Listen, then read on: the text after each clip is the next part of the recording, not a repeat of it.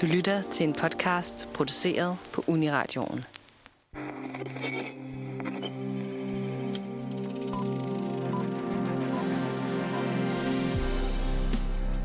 Filmskabere elsker at lave film om film.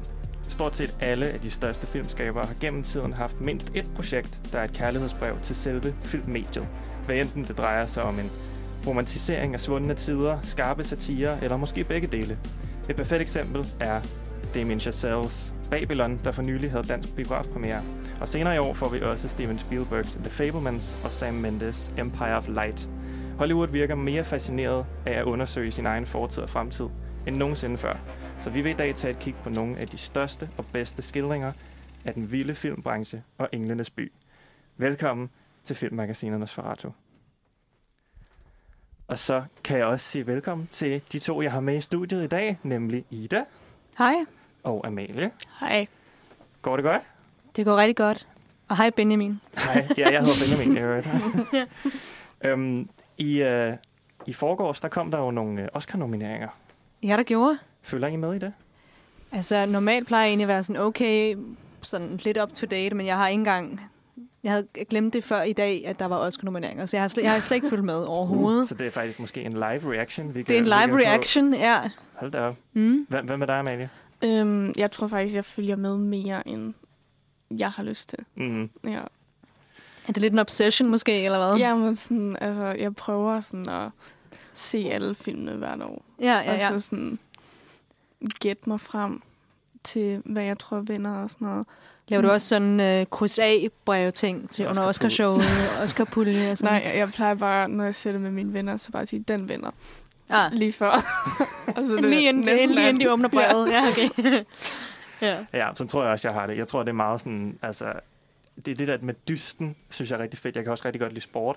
Okay. Så det er sådan en Mm. blanding af to ting, jeg rigtig godt kan lide. Det er film, og det er sport. Det er Ja, sådan ja, ja. film, der dyster mod hinanden, og man kan hæppe på nogen, Fantasy og man kan football, nogen. men Ja, uh, ja. det er så fedt. Altså, jeg, jeg, vi, jeg var en af dem, øh, det var mig og Niels Otto og Lennon, der lavede øh, live-reaktion til de sidste Oscar-show sidste Ja. år, hen over natten. Det var en lang nat, men uh, det var rigtig sjovt. Der, havde- det var der med det, det famøse Og slapper. slap, Slap. øh, mellem øh, Chris Rock og, øhm, og Will Smith. Øhm, så, ja, så det var jo selvfølgelig meget spændende. Men, øhm, og der følger vi jo med, og vi, og vi så alle filmene og så videre. Men Mm. øhm, ja, Ja, men altså, at- Ida, er du klar på at høre, hvem, hvem der jeg er så klar. Ja, jeg er så klar. klar. uh, fordi jeg kan fortælle, at i Best Picture, der er hele 10 nomineringer i år, faktisk.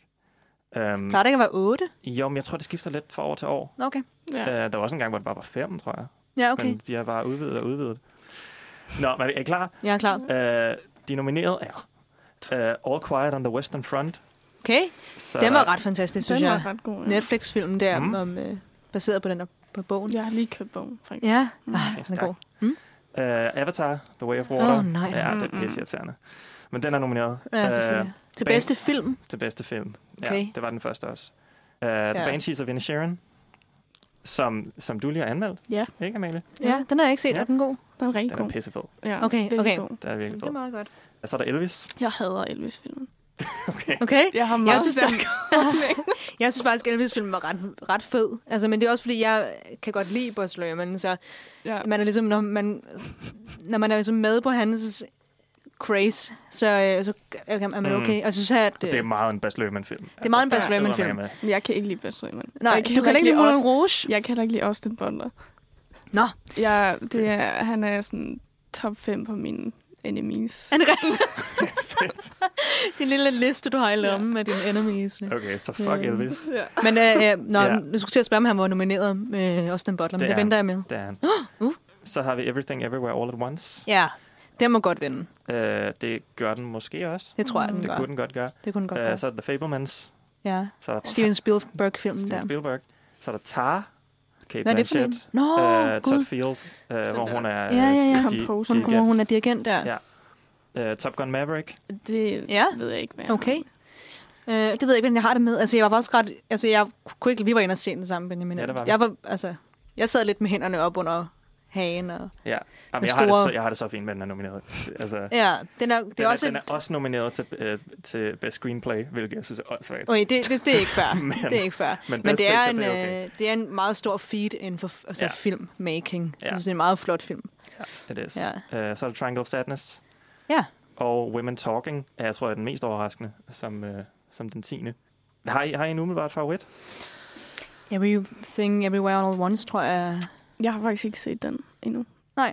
Mm. Den skal du se. Så Ja, af dem, jeg har set, vil jeg sige Banshees. Men jeg Ja. kunne godt øh, forestille mig, at Everything, Everywhere vandt.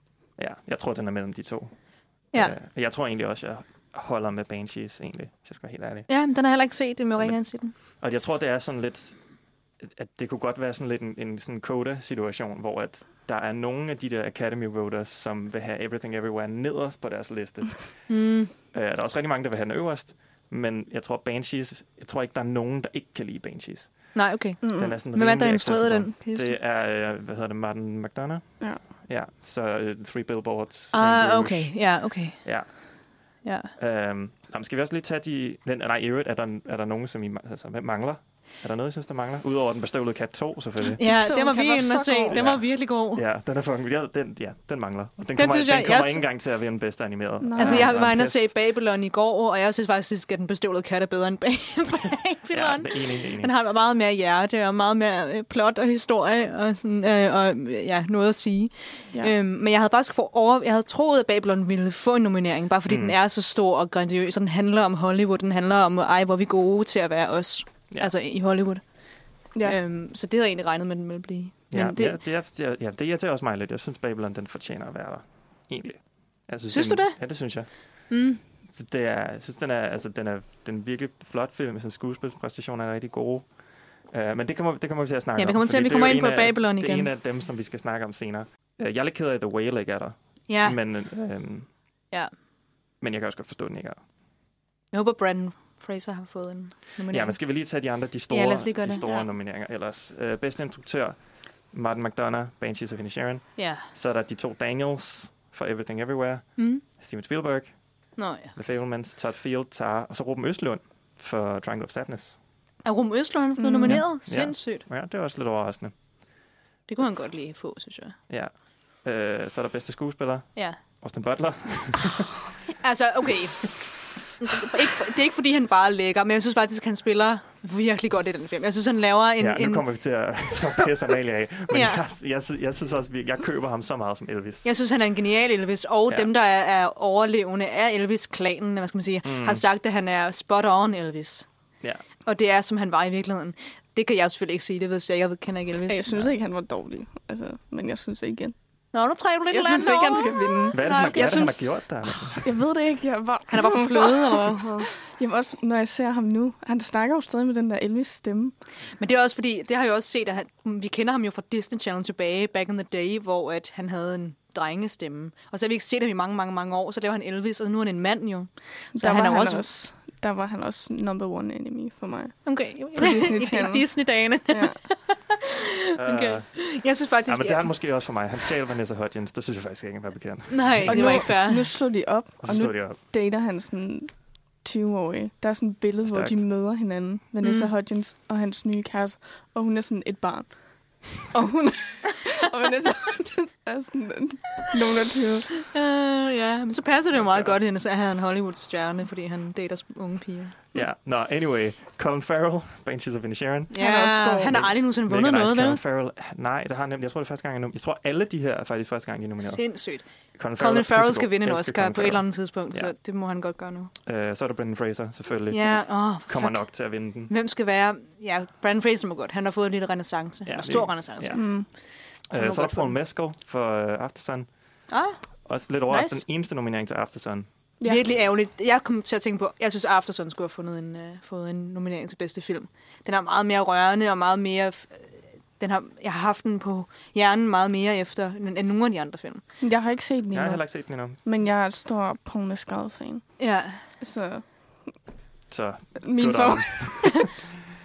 Uden at have set filmen, så er det allerede for. ja, ja, Paul. Lad os Paul. Uh, så er der Bill Nye for Living, Ah, som ingen har set, tror jeg. Men Bill, han må også godt få en. Det er alle de Jeg kan gode, også jo. godt lide Bill, Ja. selvom han spiller meget den samme karakter i alle film. ja, det er lige meget. Men sådan er det. uh, så bedste, bedste skuespillerinde, Ja. Kate Blanchett. Uh, så er der Anna de Armas for Blonde. Okay. Altså, jeg, kunne, jeg synes, Blonde var en fantastisk film. Øhm, controversial opinion, men øhm, Ja. jeg synes, Det den er var ret fantastisk. Uh, så er der Andrea Riseborough, som alle er sådan, hvem? Ja, jeg aldrig hørt om hende før. Men det er vist noget med, at der har været sådan en sådan, altså online-kampagne, eller jeg ved ikke engang, om det er en kampagne, men der er bare rigtig mange sådan celebrities, der har været ude og sige, hey, den her film, To Leslie, som filmen hedder, hun ja. Er pissegod i den, hun fortjener en nominering. Nå, altså på sindssygt. sociale medier. Mm. Og så er det virket.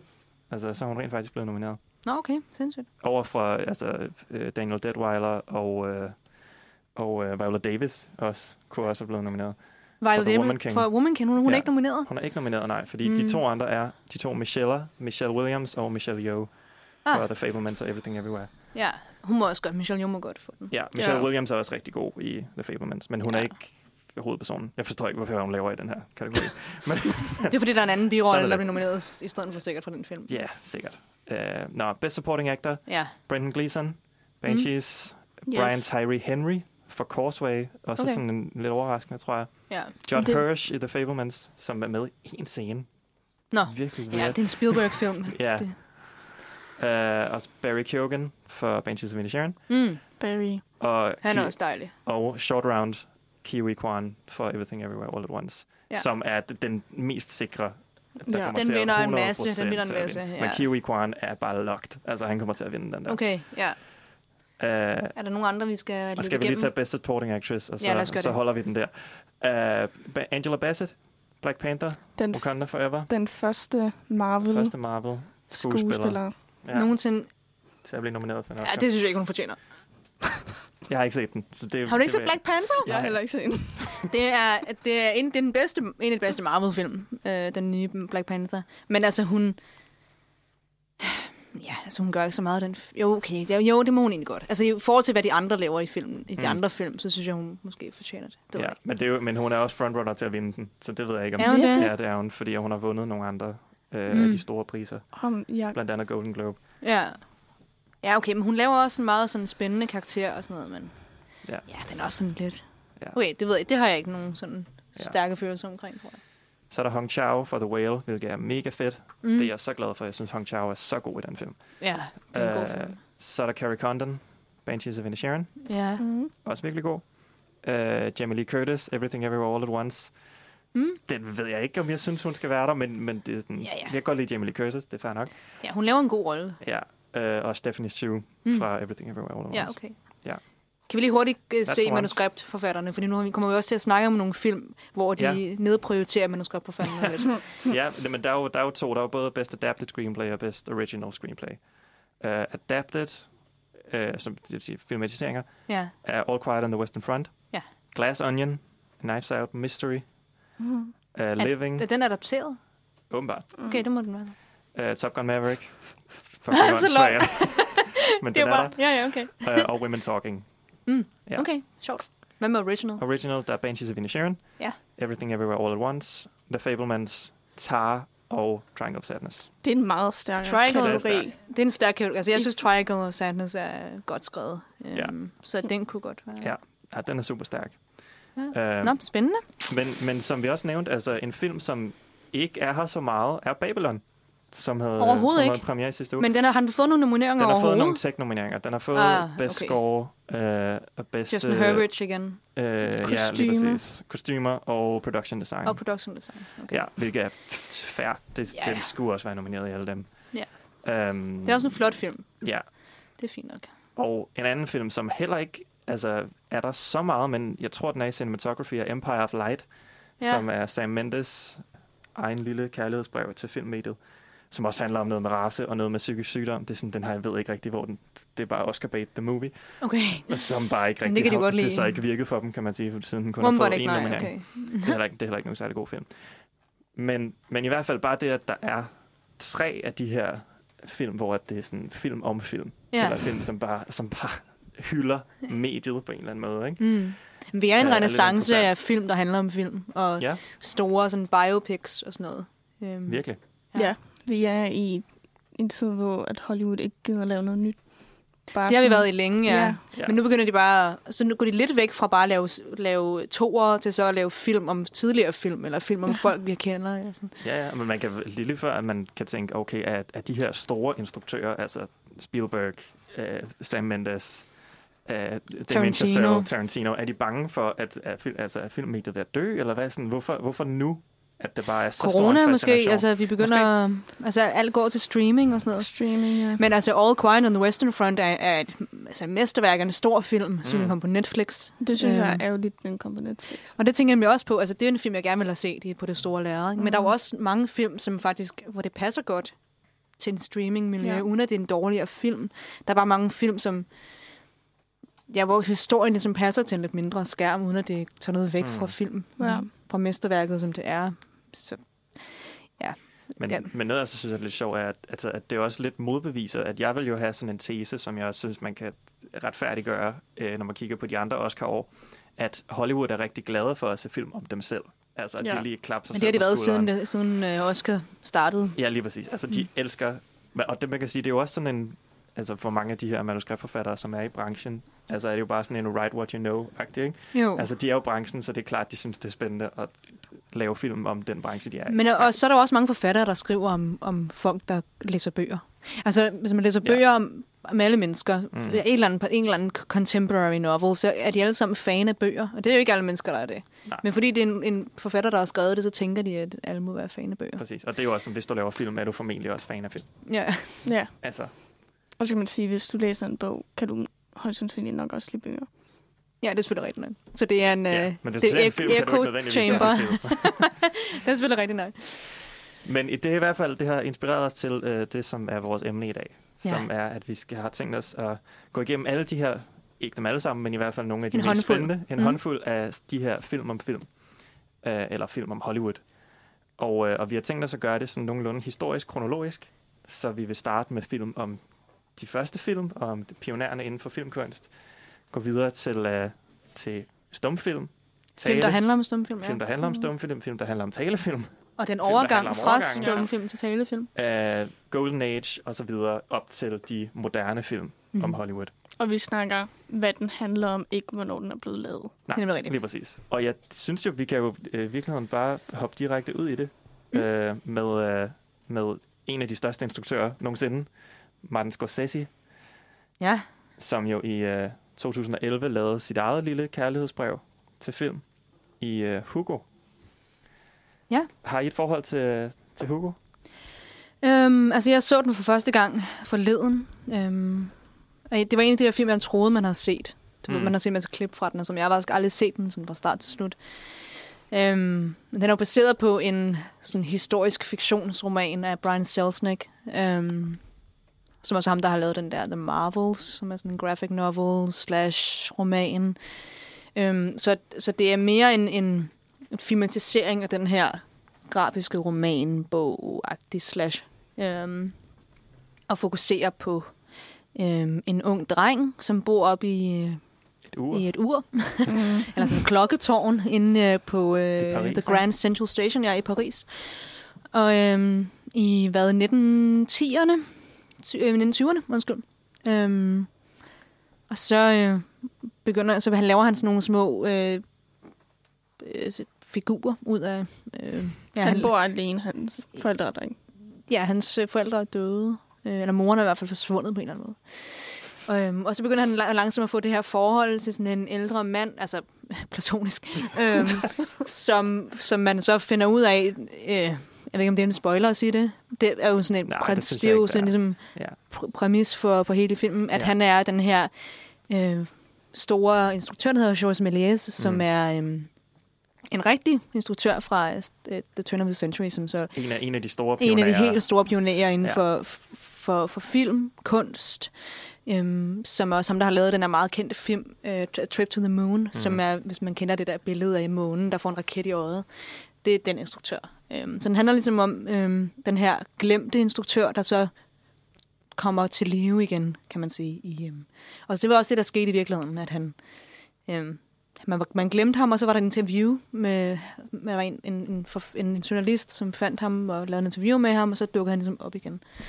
at blive hedret. Øhm, jeg synes, den var meget fin. Altså, Ja, og det, man- det man kan sige om øh, om Georges Méliès, øh, Ja. var, at han var, han var tryllekunstner i virkeligheden. Ja. øhm, og han var med til den allerførste filmvisning, eller filmfremvisning, øh, tilbage i, i slutningen af 1800-tallet. Øh, og så så han ligesom de her kunstneriske, tryllemæssige øh, muligheder i mediet. Hmm. Han Øhm. så den film, hvor der er en, øh, en, øh, et tog, der kører imod skærmen, og alle, der sidder og ser den, er bange for, at de bliver kørt Ja, over. Som vist nok er en skrøne, at det var det, der at Det, det er nemlig en skrøne, ja. ja, fordi folk er ikke helt dumme. ja. Jeg ved godt, der er en øh, skærm, men folk bliver selvfølgelig lidt Ja. bange, det ved jeg ikke. Men han var en af de første til at gøre det her med at tænde og slukke for kameraet, og ligesom ændre motivet, Og klippe. så at klippe, så det så Mhm. ud som om, at det ligesom var en tryllekunst. Pludselig var der en bil, eller Ja. whatever. Og så sad de også og, og, og malede hvert enkelt lille øh, billede, Præcis, så ja. der kom farve på. De sad fysisk og malede på Ja, fordi billedet. der var ikke farvefilm på det her tidspunkt, men Nej. så havde han sådan et kæmpe hold af det, var det, altså, det er det vildeste projekt, projekt han har lavet. Han lavede over, eller andet, over 500 film, men altså, altså, på hver crazy. enkelt frame, ikke? Og nogle af de Jo. her film er jo sådan 15-20 minutter lange, Ja, Øh, så det godt nok tage lang tid. og mange af dem er sådan noget baseret på uh, Jules Verne-historier.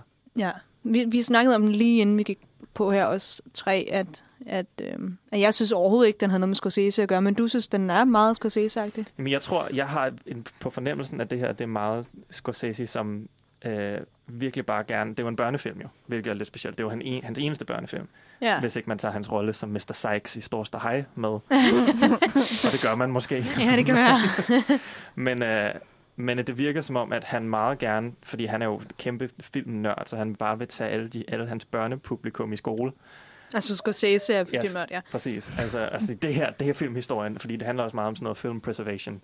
Ja. Altså sådan noget med at, at, at ikke holde noget- film og gøre det interessant. Ja, også fordi der, der nemlig var en masse af Méliès film, der blev brændt, og, Ja. ja. som vi ikke har længere, og så videre. Ja, fordi jeg tror, at de fleste, de forbinder også Scorsese med, altså, med gangsterfilm og sådan noget. Ikke? Og det er jo, Jo. nok det, som, som han nok er blevet mest punket for. Det må, det må han godt lige lave. Ikke? Og så laver han den her børnefilm om film, som...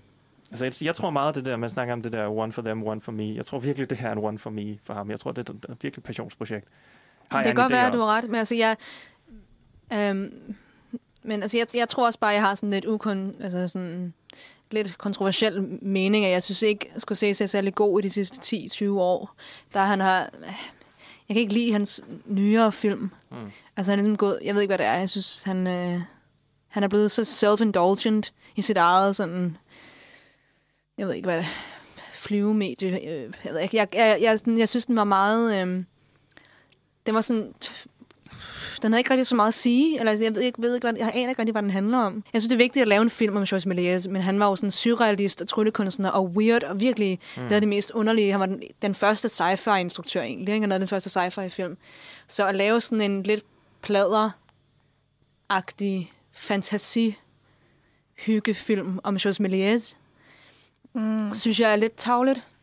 Altså, der var ikke noget sådan wonder og surrealisme og sådan skørhed over den. Den var ikke så skør, som jeg havde håbet, den ville være, fordi det er en José Méliès homage. Nej. Altså, der er vel lidt sådan med den der robot.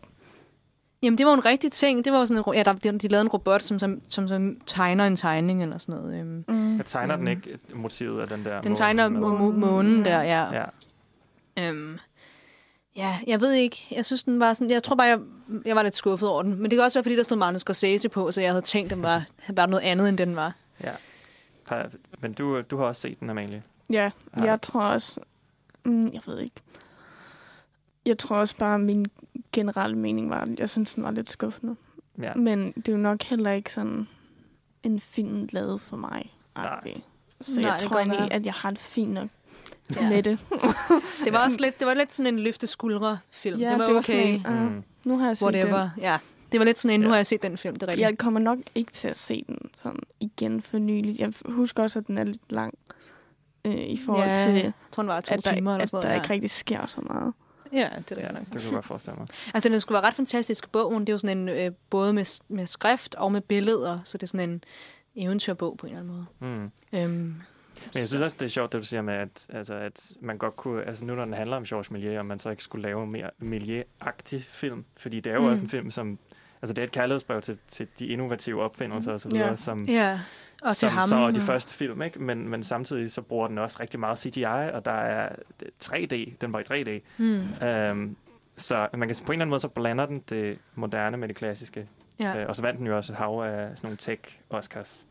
Ja, er det er også også fint nok, men jeg synes Ja. måske, jeg, jeg ville måske have lavet en dukkefilm, eller sådan gjort et eller andet, brugt den til noget andet, eller have, have brugt det, som George Méliès ligesom har udviklet, eller sådan. Mm.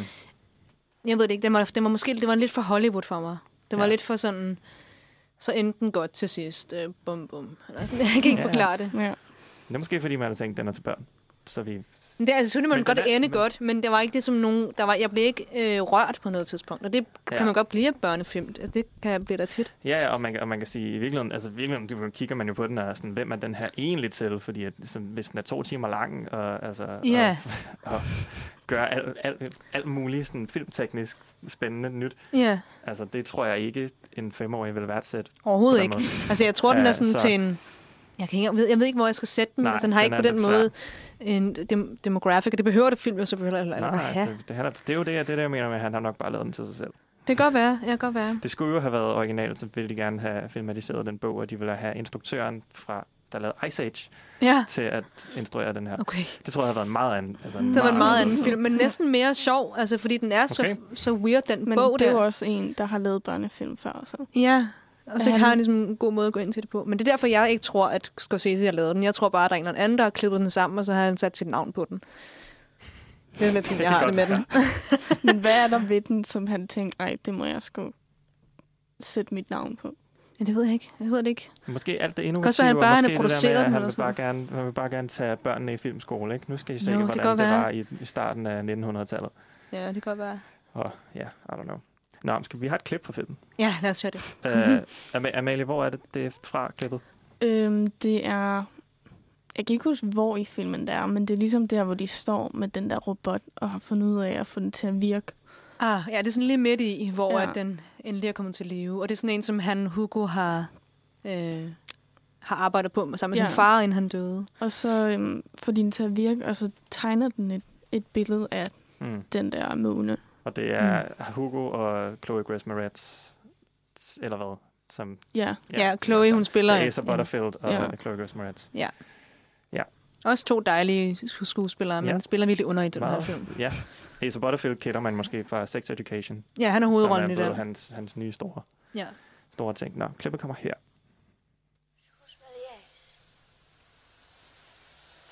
Georges Would your father's machine sign Papa Georges' name? I don't know. Ja. Det er jo fordi, Chloe- at Chloe øh, hvad hedder hun? Øhm, hvad hedder hun i filmen? Fuck, det kan jeg ikke huske. Øhm, Ikke Hugo. nej, hun er sådan en meget underlig karakter. Hun er sådan lidt for Manic Pixie Dream Girl til min smag. Men altså, hun er den her unge pige, som får sådan et lille forhold med ham her, Asa, øh, Hugo. Øhm, og de er jo sådan, ja, børn. Og så øh, hun har en gudfar, eller i hvert fald sådan en, øh, en, der har taget hende ind, fordi hendes forældre øh, har forladt hende. Og så Ja. finder man så ud af, at hende her, ham her, Papa George, George er George Méliès. Øhm, Ja. ja. Fordi man i filmen tror, at han er død. en- Ja. Ja. Han døde i krigen. Og I, Ben Kingsley, som spiller ham, bare er sådan en cranky gammel mand. ja, og det er Ben Kingsley. Og han arbejder i sådan en øh, sådan butik på Hovedbanegården, som faktisk var det, som George Méliès øh, arbejdede i på det tidspunkt, inden han blev sådan genopdaget. Mm. Ja. Han arbejdede også i sådan en øh, lille, hyggelig butik. Ja. Spændende. Mm. Ja, men øh, og det er, jo, det er jo værd at sige, at det her er jo selvfølgelig ikke en film, som handler om Hollywood. Den handler jo mere om, øh, om europæisk film, som øh, og de pionererne der. Øh, og herfra vil vi gå lidt mere over i, i Hollywood-stilen.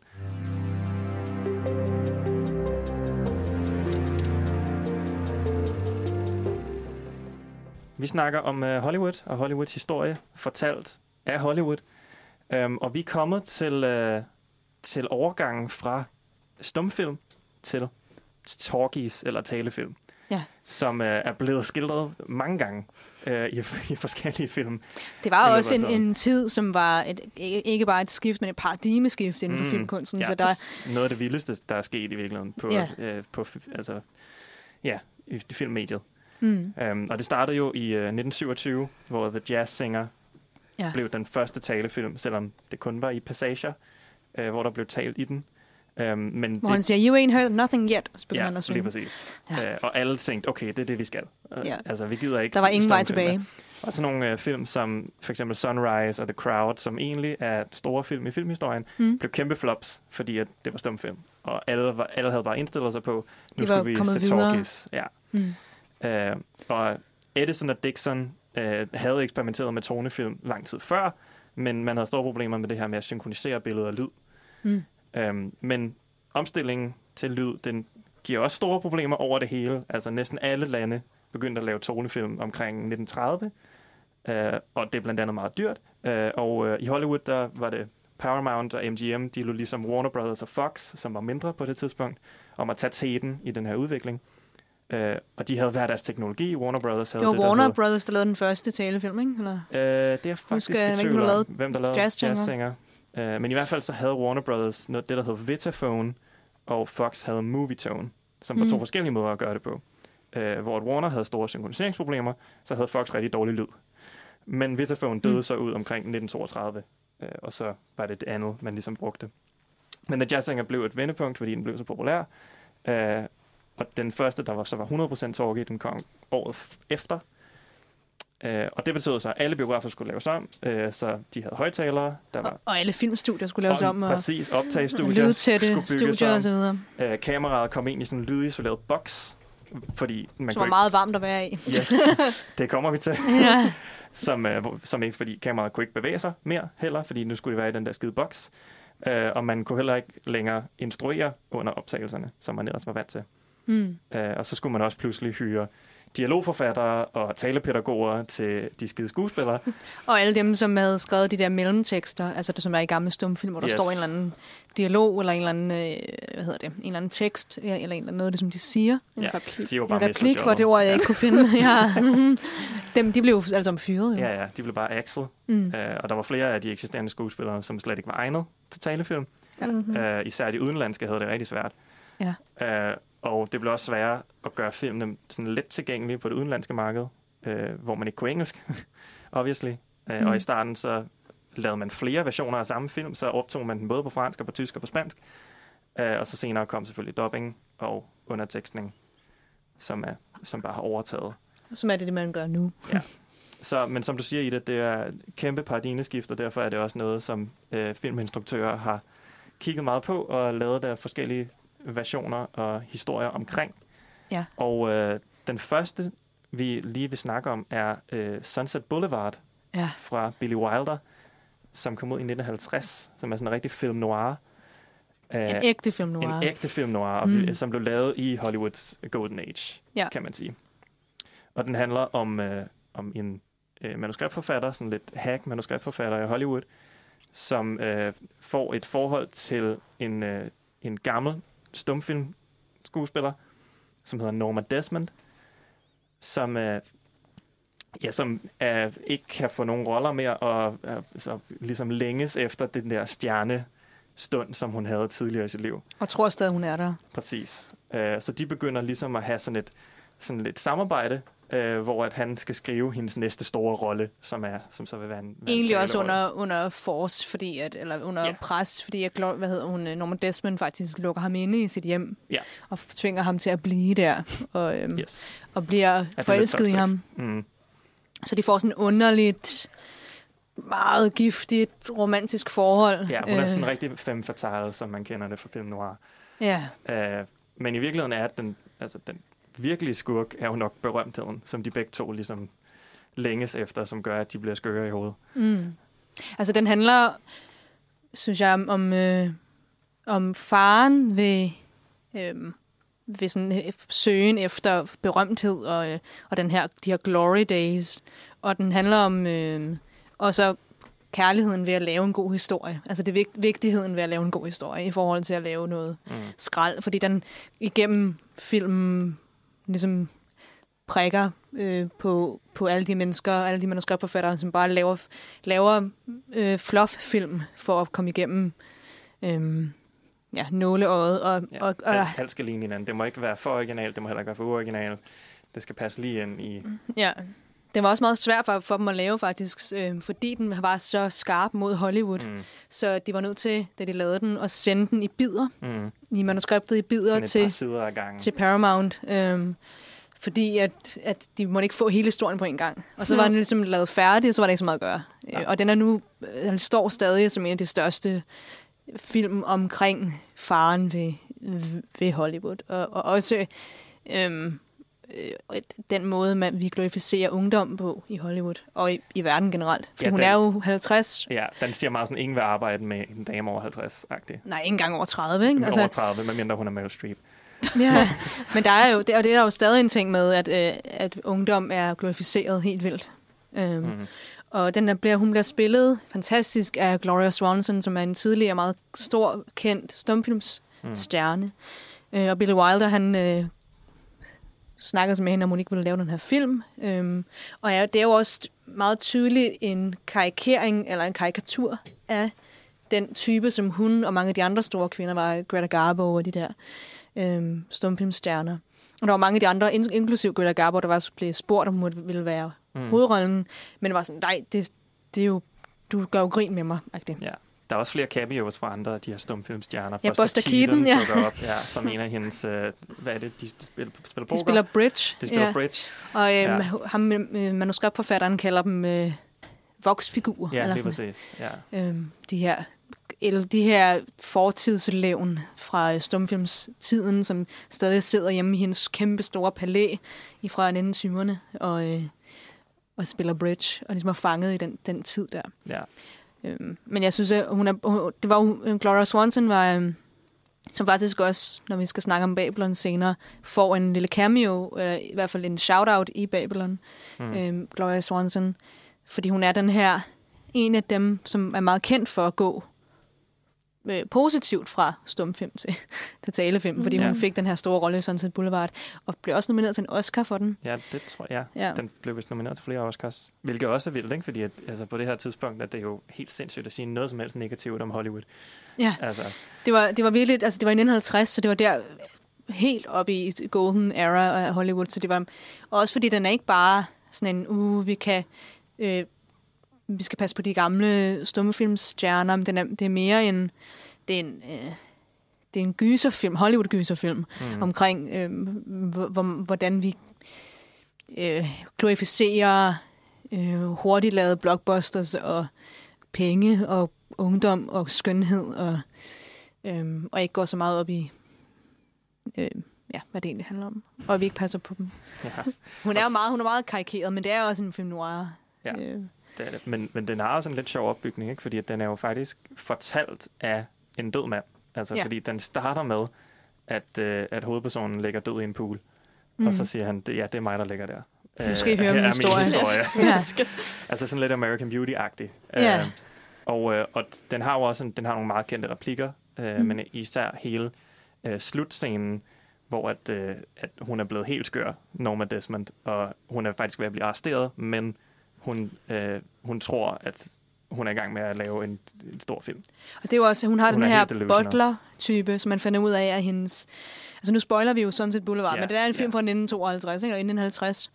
Øhm, 50, ja. Ja, 1950. som, ja, man, man kender alle de der store replikker. Men Mm. der er en, øh, hun, hun er, øh, har den her butler, som er spillet af, øh, af hvad hedder det, øh, Også en- en tidligere stumfilm. ja, han var en tid skuespiller, ikke? instruktør. Nå, okay, ja. Øhm, han hedder øh, Erik von Stroheim, som spiller hendes øh, butler, men tidligere mand i filmen.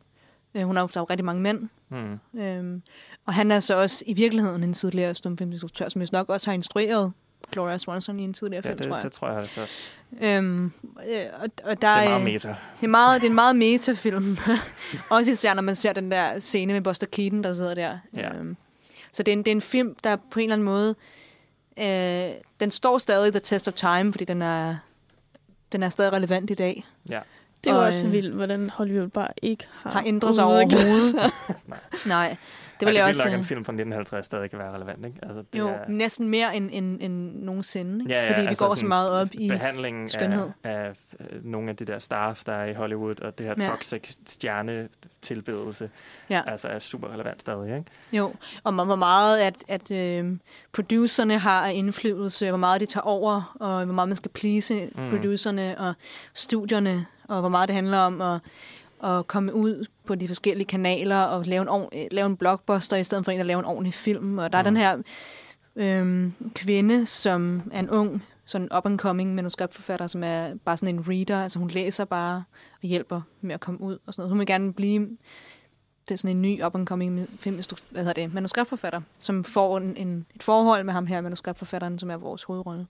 Og de begynder så at skrive en, en film sammen. Og det, det viser jo så, at han har stadig noget ægte kunst i sig, selvom han har solgt sin sjæl, kan man sige, til, Mm. til Gloria Swan, til Gloria Swansons karakter, Norma Ja, Desmond. til Norman Desmond. øhm, Ja. Men inden vi iler videre, skal Ja. vi så ikke lige høre uh, klippet, Jo. som er en af de mest berømte scener fra uh, Sunset Boulevard. I can't go on with the scene. I'm too happy. Mr. DeMille, do you mind if I say a few words? Thank you. I just want to tell you all how happy I am to be back in the studio, making a picture again. You don't know how much I've missed all of you. And I promise you I'll never desert you again. Because after Salome, we'll make another picture and another picture. You see, this is my life. It always will be. There's nothing else. Just us. And the cameras. And those wonderful people out there in the dark. All right, Mr. DeMille, I'm ready for my close-up. mm, Ja, ikonisk. Fantastisk scene. Mr. DeMille er der i øvrigt ikke. Hun er ved at blive arresteret. altså, Ja. det er. Det er også et lille shout-out til Cecil B. DeMille, som er en meget stor øh, stumfilmsinstruktør, øh, som er med faktisk og spiller sig selv i den her film. Ja. Og, øh, og da hun kommer ned, er hun... Det er den der meget kendte historie med, som man har brugt i mange film, at hun vil gerne være kendt, og så bliver hun kendt for at myrde nogen. Så den der sådan et Chicago-agtig historie, øhm, vil jeg sige, stammer mange, mange gange fra den her Sunset Boulevard-film. Men det der, hun kommer ned og er gået så meget ind i sin, hende, hendes egen øh, mania og sådan øh, illusion, hun tror, hun er i. Mm. Hun er blevet forsvundet fuldkommen ind i det. Så den, se, den sidste scene, hvor hun går ned ad trappen og, øh, og kommer så hen og siger det der, I'm ready for my close-up. Ja. Det var også en scene, som da de filmede scenen, at øh, hele sættet blev helt stille. Og da hun så var færdig med den scene, så rejste alle sig op og klappede i sådan meget, meget længe og græd, fordi de, fandt, fordi de synes, det var så smukt.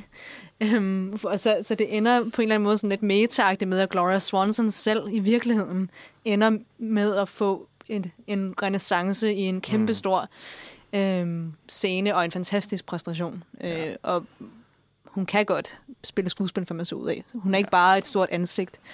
Øhm, som hun siger i starten, hvor han, hvor, når han møder hende. Hun, han siger, hey, you're Norma Desmond. You used to, used to be in silent pictures. You used to be big. Og så siger hun, I am big. It's the pictures that got small. Ja.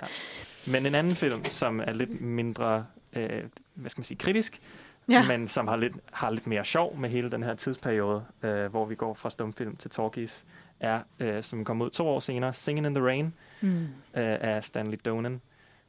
Er det, er det en film, I har noget nostalgi for, eller Mm, har set?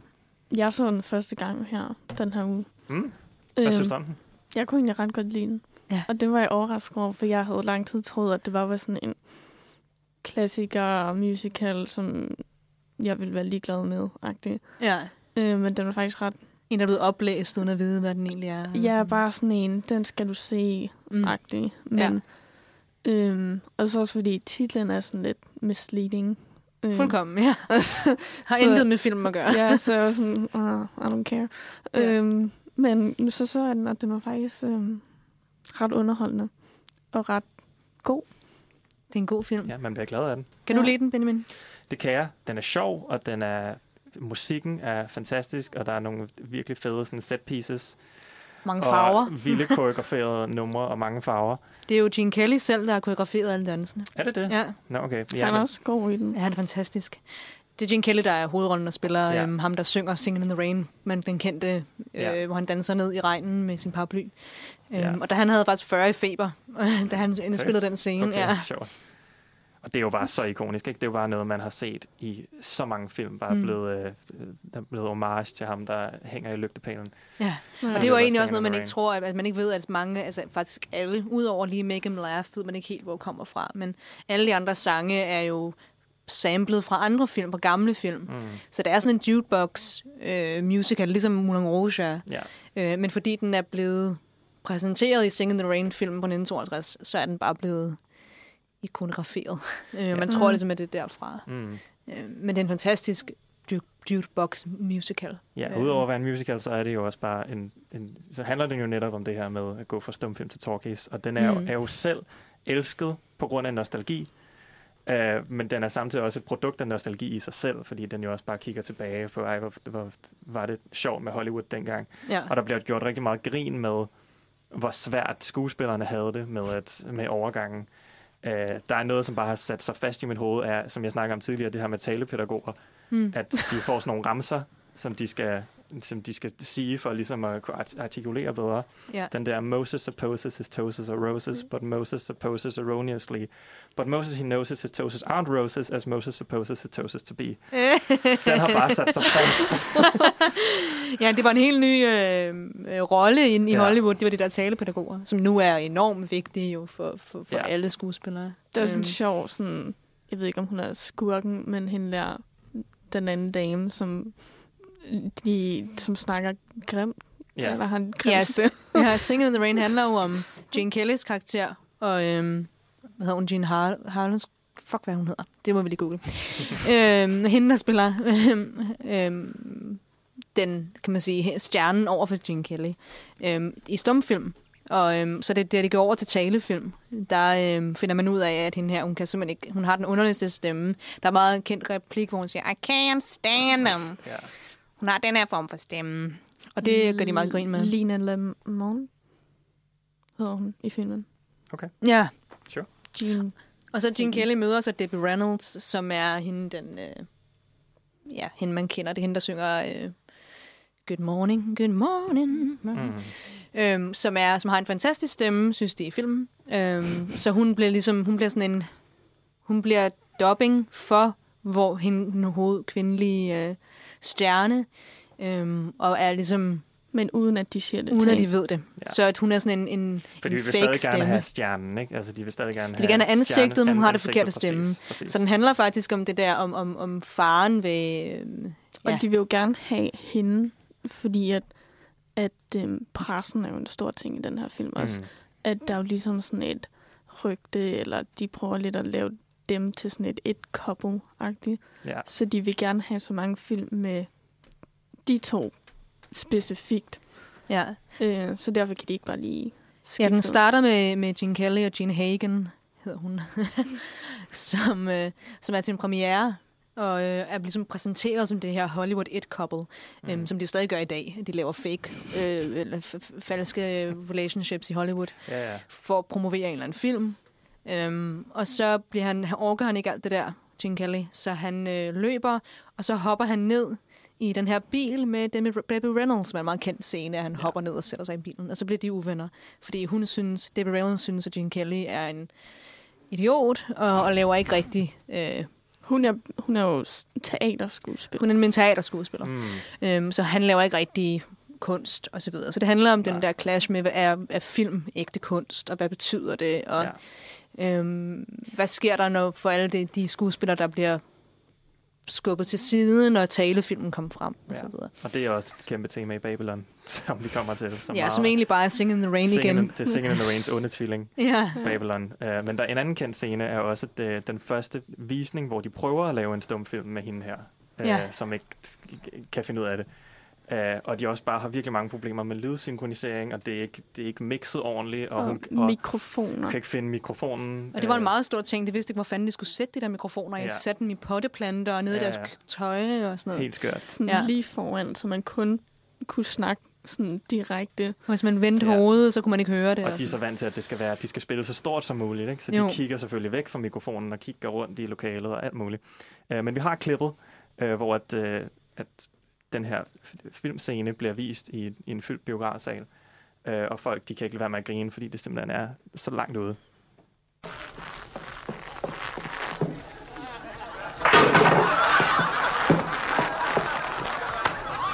Oh, Pierre, you shouldn't have come. You're afraid of danger. They will surely find you out. Your head is much too valuable. She never could remember where the microphone was, boss. Tis Cupid himself that calls me. And I, bitten by his arrow, must come like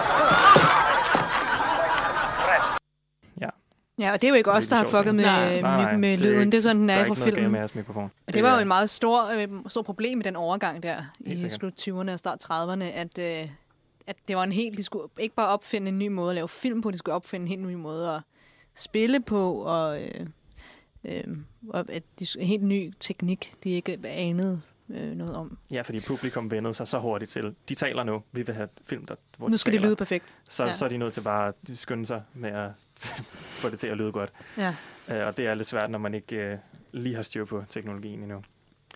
Uh, men vi er ikke færdige endnu med de her film uh, om, om den her tidsperiode, fordi i 2011 uh, kom der den, der hed The Artist, som faktisk er en fransk film. Men Som vandt en masse Oscars. som vandt, Mm. ja, og blandt andet for bedste film. Ja. Øh, og, øh, og det er en fransk film, men den handler stadig om Hollywood, og lige præcis det her med en skuespiller, som er en stumfilmskuespiller, og så kommer de her talefilm, og så øh, er han irrelevant. Igen Singing in the Rain, men bare på fransk. Prøv, ja, Og så- så, men ikke på fransk. Men ikke på fransk, fordi det er en stumfilm. fordi Det er en Det er en stumfilm. stumfilm. Ja. Øh, så det er, jo også, det er jo også lidt specielt at sige, okay, det er 2011, men vi laver stadig lige en film uden lyd. På nær, Mm. der er lige Så sådan... der er lige nogle Der er en replik til sidst. Ja, Ja, og så der er er der lidt sådan noget lyd på Det er sådan en drømme Ja. scene. Mm. Den, den er ret fin lavet, fin lavet, synes jeg. Ja, den er fint lavet, ikke? Det er meget sådan en stil over substansagtigt, fordi at Ja, den er lidt stil over historien er substans. meget basic. Ja, og så er er den også- også meget sådan happy-go-lucky, ikke? Ja. Ja. Og den var en Ja. halvanden time, så den er, den er nem at komme igennem. Ja, det er en meget sø- sød film. Øhm, og den er, det er meget smukt øhm, sådan. Jeg synes, det er et flot lydbillede, de har. Selvom der ikke er noget lyd, men Ja. øhm, så Musikken den, er, den er meget rigtig god. flot lavet. Musikken er rigtig god. Og den, den, det, den giver så mere sådan positivt outlook på, hvad der kan ske, af hvilke talenter man så kan udvikle, hvis man ikke lige er øhm, en, der kan finde ud af at lave lange monologer, men så kan man danse i stedet for og sådan noget der. Så de store Ja. musicals begyndte at, ligesom at dukke op, fordi man lige pludselig kunne tap- tapdanse, man kunne stepdanse og sådan nogle ting. Øhm, så, øh, så det er jo også sådan en, det her det kan vi også. Det er mere sådan en, øh, ja, talefilm var en god ting, fordi at det bragte andre jobs. Ja. Ja, Ja. på nær Øh. lige, at ham hovedpersonen bliver vildt deprimeret. Bortset fra ham, Ja, ja, er meget deprimeret. Men så ender det jo godt, jo, Ja, ja. kan man sige. ja. Og der er en hund med, som jeg vil gerne vil give et kæmpe shout-out. Ja, han er den Jeg bedste. elsker hunden. Ja, han, han er den var bedste den, der- tilføjelse til den, den film. Han er også bare med hele tiden. Ja. Sådan, også i filmene. Mm. Jamen, det er den bedste skuespiller i filmen, det er den hund der. Ja, han er dejlig. Men det er det. Ja. Ja. Der er, altså, jeg har egentlig ikke så meget at sige om The Artist. Den er sådan... Øh, Den er øhm, sådan lidt glemt, føler jeg. Altså, Den er lidt glemt. Den vandt den Oscar, men... Altså, Det, ja, det er nok en af de sådan, mest glemte Oscar ja, Best Pictures. ja, men det er også lige i perioden, hvor at, uh, Harvey Weinstein har været rigtig god til at lave nogle kampagner, og uh, Ja, men jeg synes, at Jean de Dagin, som, eller hvad han, hvordan man udtaler hans navn, ham der har hovedrollen, den franske ja, han skuespiller, vandt også for bedste han spiller rigtig godt, og er Ja, en rigtig det- dejlig jeg karakter. Synes, altså, han er rigtig charmerende jo. Altså, man kan godt lide ham, men jeg synes Ja. ikke, der er så stor forskel på, hvordan han agerer i de her film inde i filmen, og Nej, det så er hvordan rigtigt. han er i virkeligheden. Nej, Altså, han er bare stadig bare smilende charmerende. Mm. ja, Altså, der kunne man godt tænke sig, at han mås- der måske var lidt en forskel på Variation. de to personer, ja. måske. Men i Ja. hvert fald, er- øh, ja, endnu en film om, om, det, om det samme. Og Ja. de minder meget om hinanden. Men der sammen. synes jeg, at, sing, der kan man, vil jeg bare hellere sige, se singen, at du skal se Ja. yeah. Singing in the Ja. Rain, fordi at den har meget mere substans, den, har, den er meget mere en kommentar, kommentar på Hollywood på det tidspunkt, mm. og. Og der er rigtig god på- musik. Den der er rigtig god musik, det er en skøn film, det er bare en god film. Ja. Altså, den er, øh, den er ligesom all round god. og så er det Gene Kelly, altså, Ja. og Debbie Reynolds, og ja, altså, Ja, hvor man siger, at The Artist er mere bare et eksperiment, og de, og de lykkedes fint med det. Ja. Men de er, det er også bare, at de har sat nogle begrænsninger for sig selv, hvor man måske Ja. hellere vil have øh, muligheder. Også kæmpe shout-out til Donald Glover, som er, eller hvad han hedder, Donald Connor, som er ham, der spiller vennen i Singing in the Rain. Cosmo. Cosmo, ja. som øh, er også ham, der synger Make Him Laugh. Øh, Ja, fantastisk som bare rolle. Alt muligt mand for dem. Ja, Mm. han var ligesom, øh, Mm. og det har han også været. Det er meget sjovt, fordi Donald Connor var sådan en, der bare blev proppet ind i alle mulige roller på det Ja. tidspunkt. Forskellige øh, sidekicks. Ja. Øhm, så han er, han, han er lidt glemt, synes jeg. Han er lidt overshined af Gene Kelly, men jeg synes faktisk, han er fantastisk i den film. Der er i hvert fald rigtig mange sådan, referencer og homages til Singing in the Rain i Damien Chazelles Babylon, som havde premiere i sidste uge. Ja. Uh, og vi har alle sammen set den, men Ida, Mhm. du så den i går. Jeg så den i går. Hvad er din uh, umiddelbare reaktion? Jeg ved det ikke rigtigt. Altså, øhm, jeg tror, jeg var sådan lige, jeg var overvældet af, af længden og af sådan øh, mængden af glitz og glamour og sådan store billeder. Og så gik der fra og ikke rigtig føle noget. Jeg synes, den var sådan, øhm, det var lidt show, og der var ikke så meget i den, synes jeg. Det var ikke så... Øh, ja, det var bare, det var Singing in the Rain uden hjertet, på en eller anden måde. Ja. Okay. Altså, Hvad- hvad- Hvordan har I det med den? Jeg synes, det var virkelig fedt. ja, mm. altså, jeg kunne også godt lide den, men samtidig var jeg også lidt skuffet, tror jeg. Ja, nu vil jeg selvfølgelig, vi kommer ikke til at spoile Babylon, Nej. Men der, er- der er flere gange, hvor jeg tænker sådan, please lad være med at gøre det der. Lad være med lige at lave, please gør det der, og så gør det det. Altså, Hmm. mm. der er nogle gange, hvor jeg tænker, lad være med at gå ned i den kliché, og så lave det klichéen. Øhm, Ja. altså, jeg ved ikke rigtigt, og jeg synes, Margot Robbies karakter er virkelig endimensionel, desværre. Det skal hun også være, jo.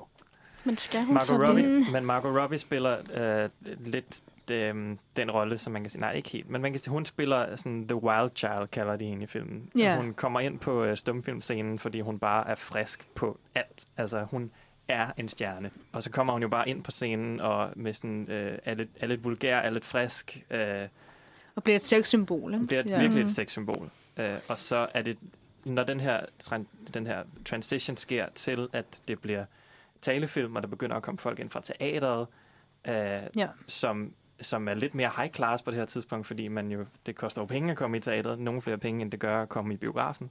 Hmm, så det var, egentlig- det var eliten, der kunne komme Ja, ind og se teater. Lige præcis.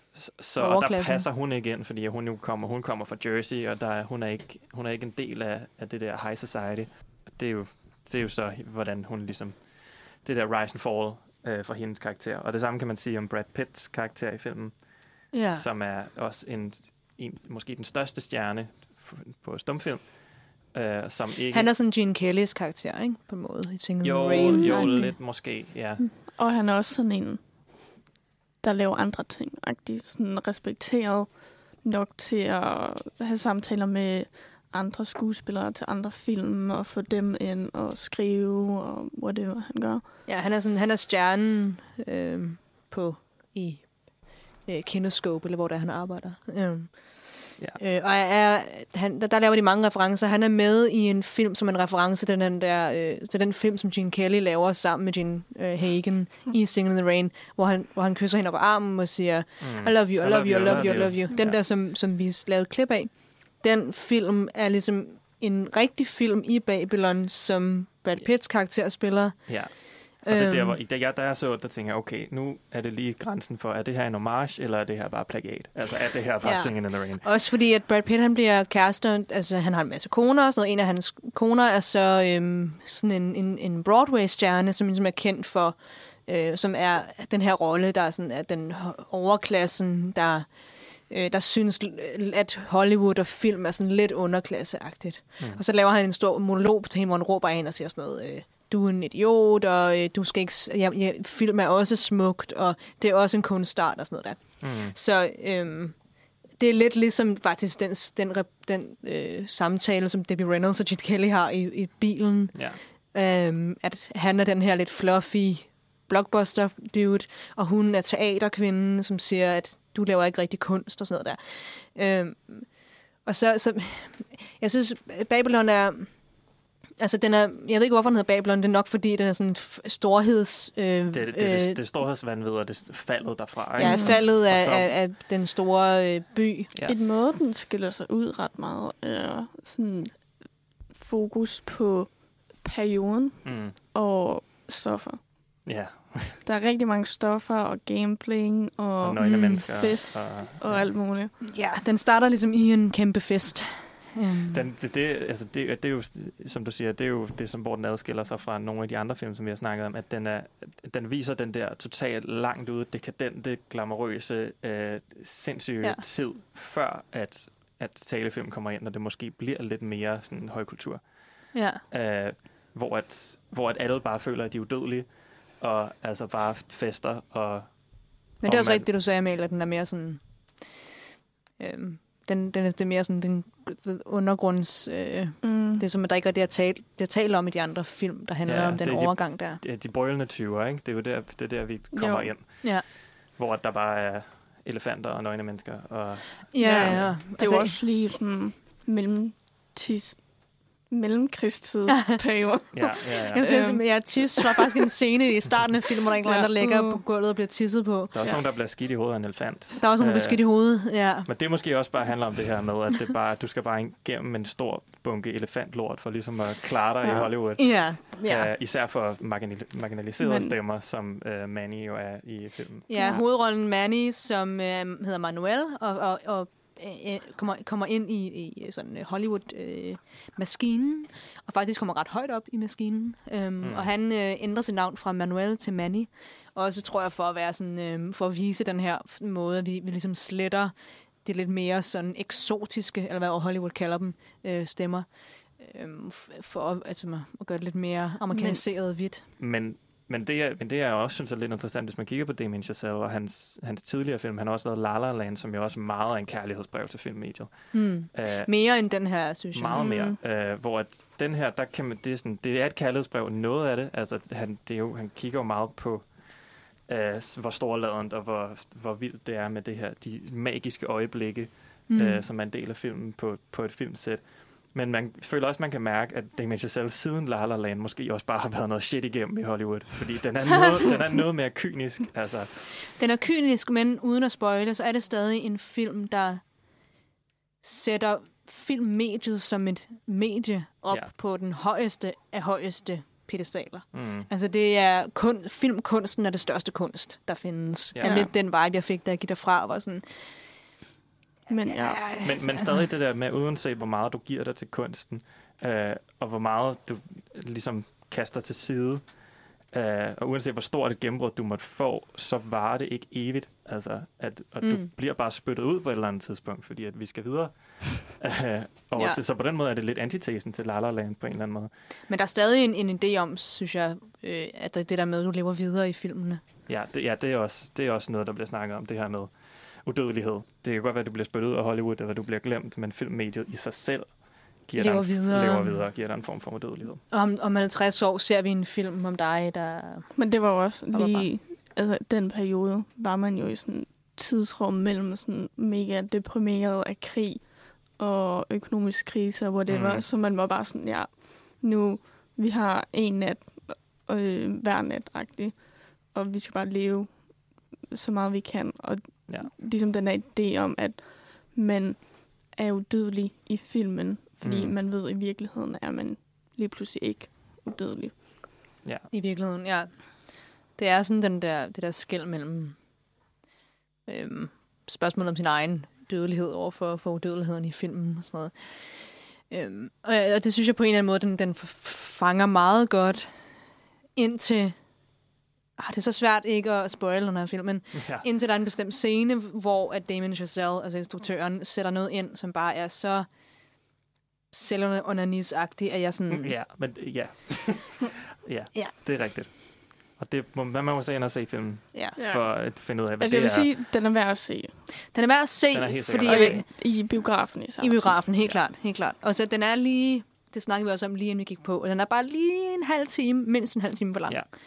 Den- Altså, der er nogle gange, hvor jeg tænker, hvorfor har du tre af den samme scene med? Du kunne Mm. sagtens have skåret to af dem. Eller, der er nogle gange, hvor den sådan gentager sig selv. Det er lidt som om, at den har, man har filmet en lang film, og det er det så director's cut. Og så er der ligesom ikke blevet klippet ud. Det, der er ikke så meget Kill Your Darlings over den her film. Det sjove er, at, øh, at han havde faktisk, det, hans første cut var bare faktisk kortere. Er det rigtigt? Det var to timer og 50 minutter.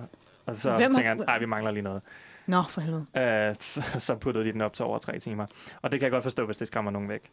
kan jeg godt med, den forstå. tre timer. Den er også floppet i USA. Jeg tror også primært af den grund. Ja. Øh, så jeg synes heller ikke, der så var vil man hellere mange- end at se en actionfilm. i- På, hvis den skal vare tre timer, så vil man hellere se Avatar eller Endgame. Ja, den er over tre timer lang, ikke? Tre Ja. timer og 10 minutter faktisk. Ja, det er også, det er også for meget. Og, og det værste er, at man kan godt, som du siger, man kan godt pinpointe, det her skulle du også gå fra. Mm. Ja. Altså, det Men kan være øh, irriterende. jeg synes, at Diego Calva, som spiller Manny Torres, er en virkelig dejlig karakter. Han spiller virkelig godt. Han er også en, der ikke rigtig er så kendt. Og sådan. Ja. Så det er dejligt, at han har fået sådan en kæmpe rolle. Helt sikkert. Jeg synes også, Margot Robbie er rigtig god i den, selvom man jo ikke kan lide hende. Altså, hun er jo ikke et godt menneske. Men Nej, altså hun synes, er en irriterende spiller- karakter, men jeg synes, hun er en irriterende karakter. Forstår du, hvad jeg Ja. mener? Altså, Mm. karakteren er sådan lidt...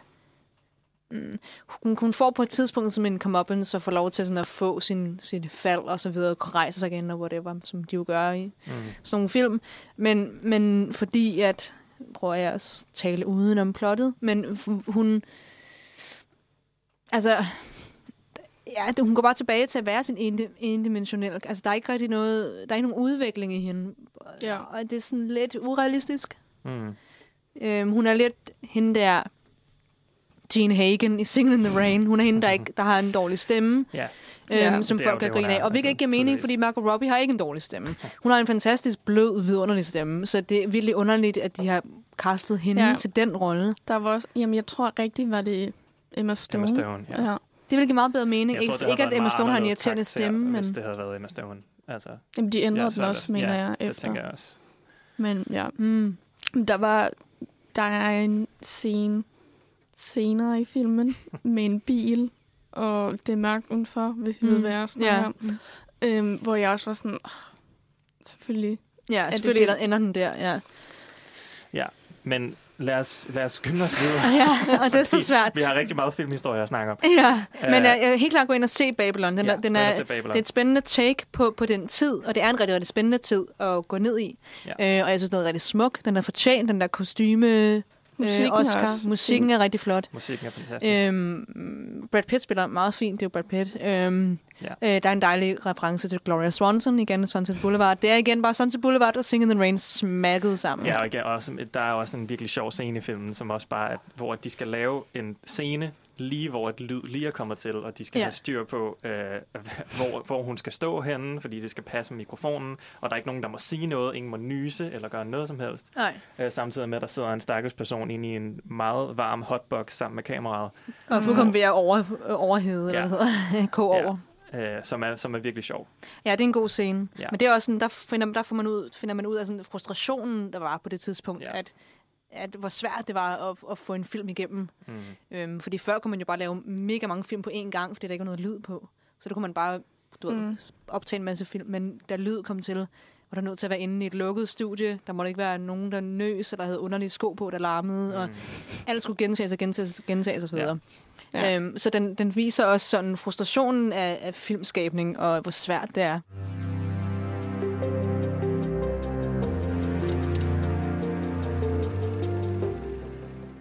vi går videre til, øh, til nu nærmer vi os jo The Golden Era, Ja. øh, som der jo er en, en del film, som, som portrætterer. Øh, Det er også en lang tid, det sådan det er en lang omkring tid, hvor at, slut 30'erne til hele vejen op til 70'erne næsten. præcis, som, ja, øh, fra, fra 2. verdenskrig nærmest, og så øh, videre op til 70'erne, når New Hollywood ligesom begynder at tage sit indtog med forskellige blockbusters. Ja. Um, og jeg kan lige hurtigt sige, jeg tænker ikke, vi skal snakke om den, men David Fincher lavede jo Mank i 2020, Ja. som ligesom var hans øh, store kærlighedsbrev til filmmediet, som handlede om øh, forfatteren bag øh, Citizen Kane, som er, af mange bliver betragtet som en af de bedste film nogensinde.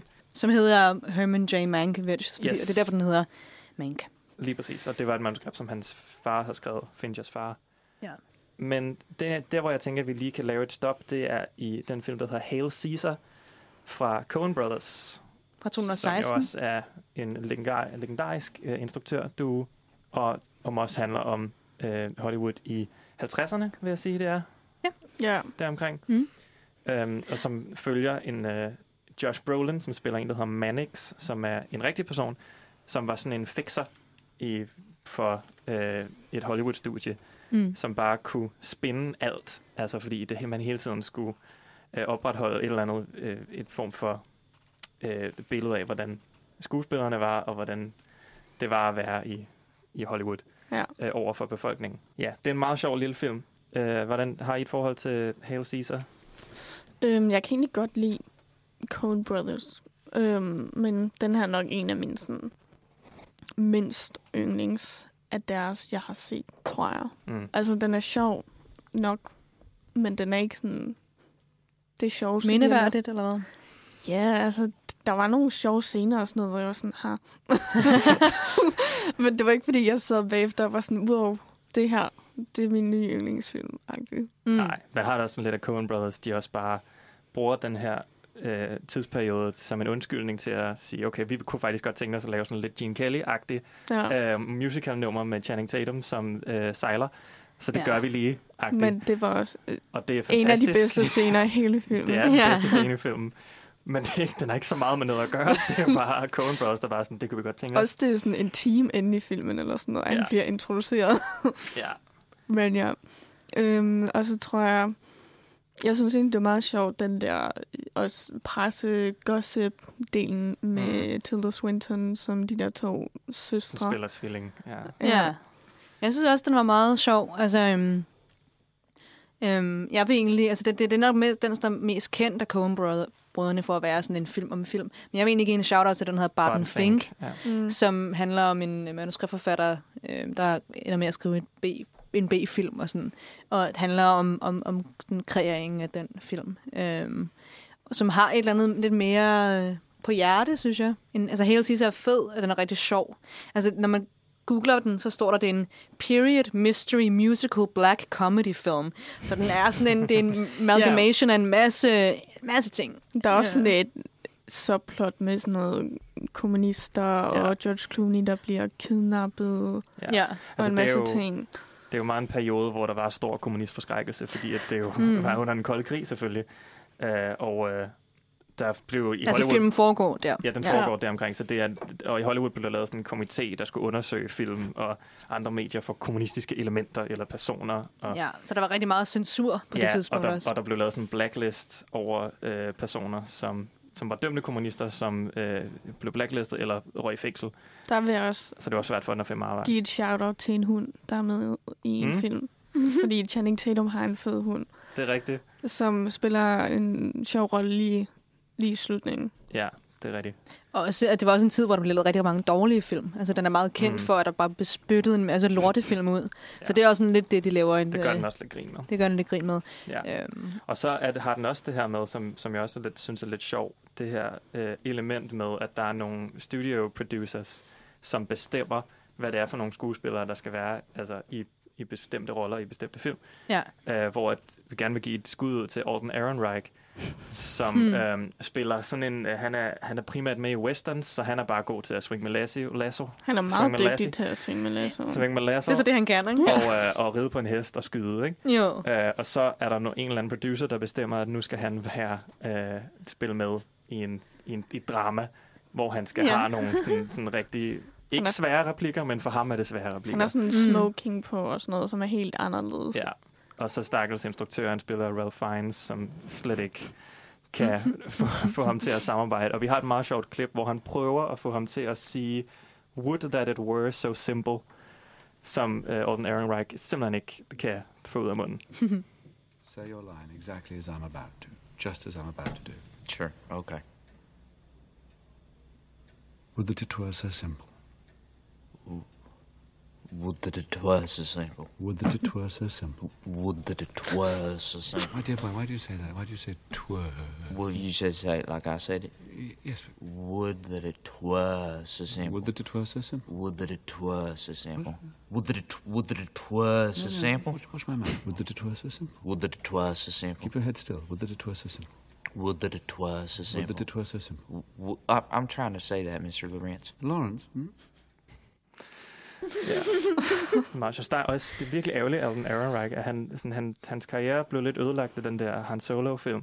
Fordi han er ret sjov i den her film. Ja, han er skide sjov. Og, han er ikke, og det er sindssygt, han er ikke med på plakaten til Hail Caesar. Nej, det er rigtigt. Fordi jeg kiggede, så var Jonah Hill. Jonah Hill er med. Han er med i en scene, Ja. han har måske to replikker. Ja, og Scarlett Johansson og Frances McDormand og sådan noget. Det er også noget, de fokuserer Mindre på roller, her. ja. Det der med at sætte par sammen. Hmm. Øh, fordi Scarlett Johansson skal jo finde en mand Ja, Mm. fordi hun har Meget fået hurtigt. et barn. Ja. Ja, ja. Altså, det er jo sådan noget med, at hun har, hun har fået et barn, og hun kan jo ikke have et barn uden for ægteskab. Det ser Nej. dårligt ud, Åh, så hun er dog. nødt til at... Så deres plan er, at så må hun jo bare øh, øh, give barnet væk, og så adoptere barnet, så det virker som om, at det er sådan første børn, så det, ikke, så det ikke er hendes. Så det er bare fordi, at hun... Åndssvagt. Jamen, det er virkelig åndssvagt. Men altså, og på en eller anden måde, så, fordi det er så karikeret og så åndssvagt, så...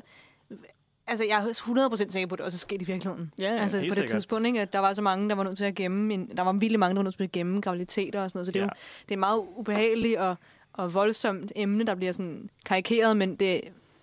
Men man, det, man husker det ligesom, fordi det er så skørt, ikke? Ja, ja, og så er der også hele det her med, altså, at man i de her år i Hollywood var dødsens angst for at skitsere noget, der ligner samfundskritik.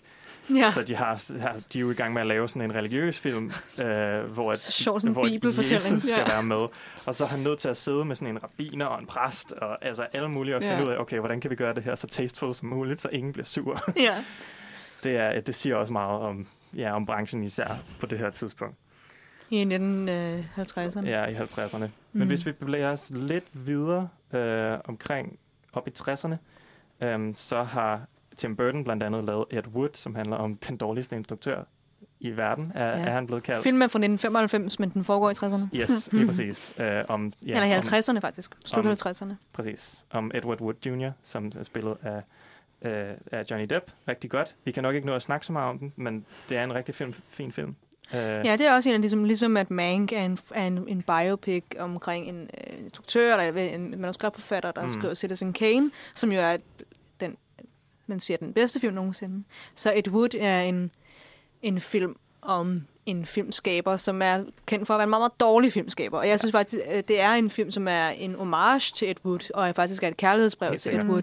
Den gør ikke grin med ham Den gør slet ikke grin med ham. Selvom han er en, en vild karakter. En meget sådan Burson-agtig øh, Ja. karakter. Egentlig meget sådan outsider, lidt weird. Øh, talentløs geni, kan man sige. Men, ja. altså, Ja. han, Han har har- bare en stor vision, ikke? Og han har klart sådan en kærlighed til film. Han elsker film, ja. ja.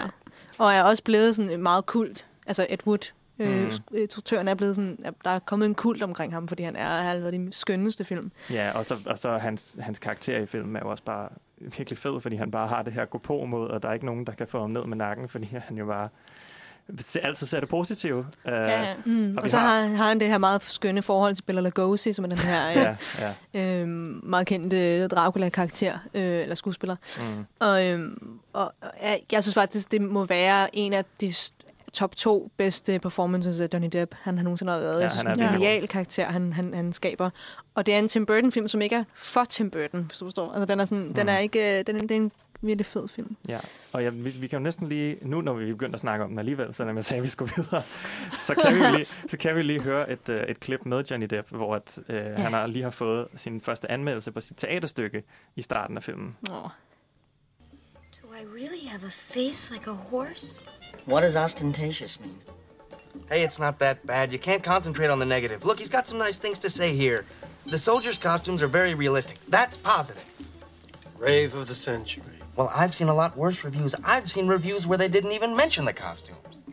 Like that last Francis the Mule picture. It got terrible notices. Huge hit. Lines around the block. That's right. Don't take it too seriously. We're all doing great work. Do you really think so? Absolutely. Ja, ja, men det er en meget sød film. Det er sådan meget værd dig Virkelig selv, selv, hvis det betyder, at du er en kæmpe fiasko. Altså, det, Ja, er også, og det, det er også, at øh, den, den hylder også sådan B-filmene, som ikke, altså den der med, at, at øh, det er kun de meget fine sådan, Mhm. øh, adaptations af en, eller anden Henrik Ibsen-forestilling, eller sådan. det er kun det, der får, øh, det er kun det, der er fint, men faktisk Mhm. er, øh, der er rigtig meget fed, fed cinema i, øh, i alle de her underlige B-film. Ja. Øhm, ja. det, han- og det hele handler jo, ligesom alle de andre film også handler om, så handler det om kærligheden til filmmediet. Og det her er ikke bare en kærlighed til filmmediet, men, men med et, et menneske, der elsker film overalt på jorden, og, og vil dedikere hele sit liv til det. Mhm. Øh, og bare er sådan den positive force i, i, i Hollywood. Ja, og, det, og der er også en meget fin scene, hvor han møder øh, Orson Welles, som er personen, som har instrueret øh, Citizen Kane. Som han er kæmpe fan af. Som han er kæmpe fan af. Øh, spiller af Vincent D'Onofrio. Genial- genial casting. Men, er, men han er dobbelt Vincent D'Onofrio. Ja. Øhm, og, øh, og han også bare siger til ham, de snakker om, hvor irriterende det er at skulle sådan, øh, arbejde med producer, og sådan, Mm. at de bare gerne vil, vil have deres sådan, rigtige vision. og at fuck de der producer, du skal bare gøre det, hvad du har lyst til. Agt, ikke? Ja. Øh, det er, også, det er måske også en kommentar fra Tim Burton, der bare er træt af at høre om, om øh, producer, der siger til ham, at han skal lave om på sin stil. Det tror jeg også. Måske, altså, jeg tror også lidt, han ser noget af sig selv i Ed Wood. Det tror jeg helt klart også. Altså, Ed Wood er også lidt Tim Burton-agtig. Ja. I sin, øh, ja. Uh, hurtigt kan vi også lige uh, nævne Once Upon a Time in Hollywood. Endnu en film, det er fra Quentin Tarantino fra 2019, Ja. som handler om Hollywood i 60'erne, uh, som også har Margot Robbie og Brad Pitt. Ja, og Brad Pitt spiller også sådan en lidt down and out. Øh, han, han spiller sådan en stuntmand. Yes. Men han er også sådan en lidt sådan en tidligere, der er Ja. en tidligere stjerne og så videre. Og, sådan, øh, og Margot Robbie er den her unge skuespillerinde. Eller hun er Sharon Stone. Men, Men, Hun er øh, Sharon Stone, ja. Som i øh, virkeligheden uh, blev dræbt sammen med hendes, uh, hendes ufødte barn. af Manson. Ja. Ja, så det er en... en, en, en Som ikke skal i filmen. nej, det er en omskrivning af historien. det er en omskrivning af, af, den, af den rigtige historie. Så det er sådan Ja. en, øh, det, er jo, det er jo, hvad Tino Tarantino er kendt for os, at omskrive øh, historiske øh, Ja. Ting. Øh, ligesom i Inglourious Ligesom Bastards, Basterds, hvor han slår Hitler ihjel. hvor han slår Hitler ihjel i en, i en, i en Ja. med film. Altså, det er jo i, i en, øh, en biograf. Ja. Så det her er meget en film, hvor der er en masse build-up til, at man regner med, at nu dør Sharon Stone, Ja. og så dør hun ikke alligevel. Nej, nej, nej. Så det er meget sådan, det, det er lidt antiklimaks. Men Synes du det? Ja, en lille smule. Jeg synes, det var fantastisk. Jeg, jeg, jeg synes, det var fedt at tage og bare være sådan... Altså tage Manson, som er en forfærdelig, forfærdelig, forfærdelig person, og så bare gøre ham til den her kæmpe idiot, øh, som, ikke, som ikke lykkes med noget som helst. Jeg synes, det var en fed måde at se det på. Jeg synes, det var grineren. Jeg, jeg, men øh, jeg er også jeg er meget biased. Jeg elsker Tarantino, men jeg synes, det var en øh, ret fed film. Og det var en film, som, som fortjener alt det, hvor lang den var i forhold til Babylon, som skulle have været kottet en time. Ja, det ved jeg ikke, om jeg er helt enig i. Nej, det ved jeg heller ikke, om jeg er. Er det rigtigt? Ja, men det er også bare, der er, den er så fyldt med sådan noget spændingsopbygning, som ikke rigtig leder nogen steder hen. Once Upon a Time in Hollywood? Ja, det er meget, det er meget sådan en hangout-film, ikke? Nej, Men nej, nej, nej, nej. Der er, ikke, der er ikke det store plot, ligesom der plejer at være i Tarantinos film. Så jeg, jeg synes, den er en lille smule kedelig. Men det er, det, that's just me. Og det er fordi, han er mesteren af suspense, ikke? Så derfor er det, er det sådan lidt en bomber, at, at der ikke rigtig sker Jeg synes, meget. den scene med Brad Pitt i huset, hvor at man tror, Ja, det er at... den værste scene. Det er den, en af de bedste Virkelig? scener. Det er, Ja, fordi den bare leder op til nothing. Altså, Den lever op til en kæmpe Tarantino-slutning, jo. Men Som jo se, sker. ikke rigtigt. der er også en butler også med. Og der, Nå ja, det er han selvfølgelig også. der dør han. Er det derfor, du Så godt kan lide den? Endelig. They killed Elvis. Og man, altså man kan sige, man kan også bare Mm. beundre, at de har bare genskabt Los Angeles altså fra i 1960, hvilket er helt vildt. Altså, der ja. er Ja. sådan en lang scene, hvor at Brad Pitt han kører igennem byen, hvor det bare ligner eller hvad hedder det, Los Angeles i 1960'erne. Mm. Så det er, det er ret vildt. Sådan set Ham, jeg kalder Sharon Stone hele. Det er jo Sharon Tate, hedder hun. Nå ja. det er du ret. Ja, hun hedder det Sharon Tate. Det er jo ikke Sharon, det er ikke Sharon Stone fra... Nej, det er lidt pinligt. fra ja.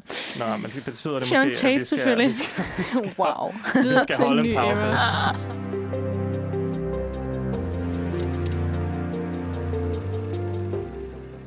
Vi er Nu- kommet op i øh, moderne tider. Vi kommer op i moderne tid, fordi at der findes jo også film om Hollywood, som ikke foregår i gammel Hollywood.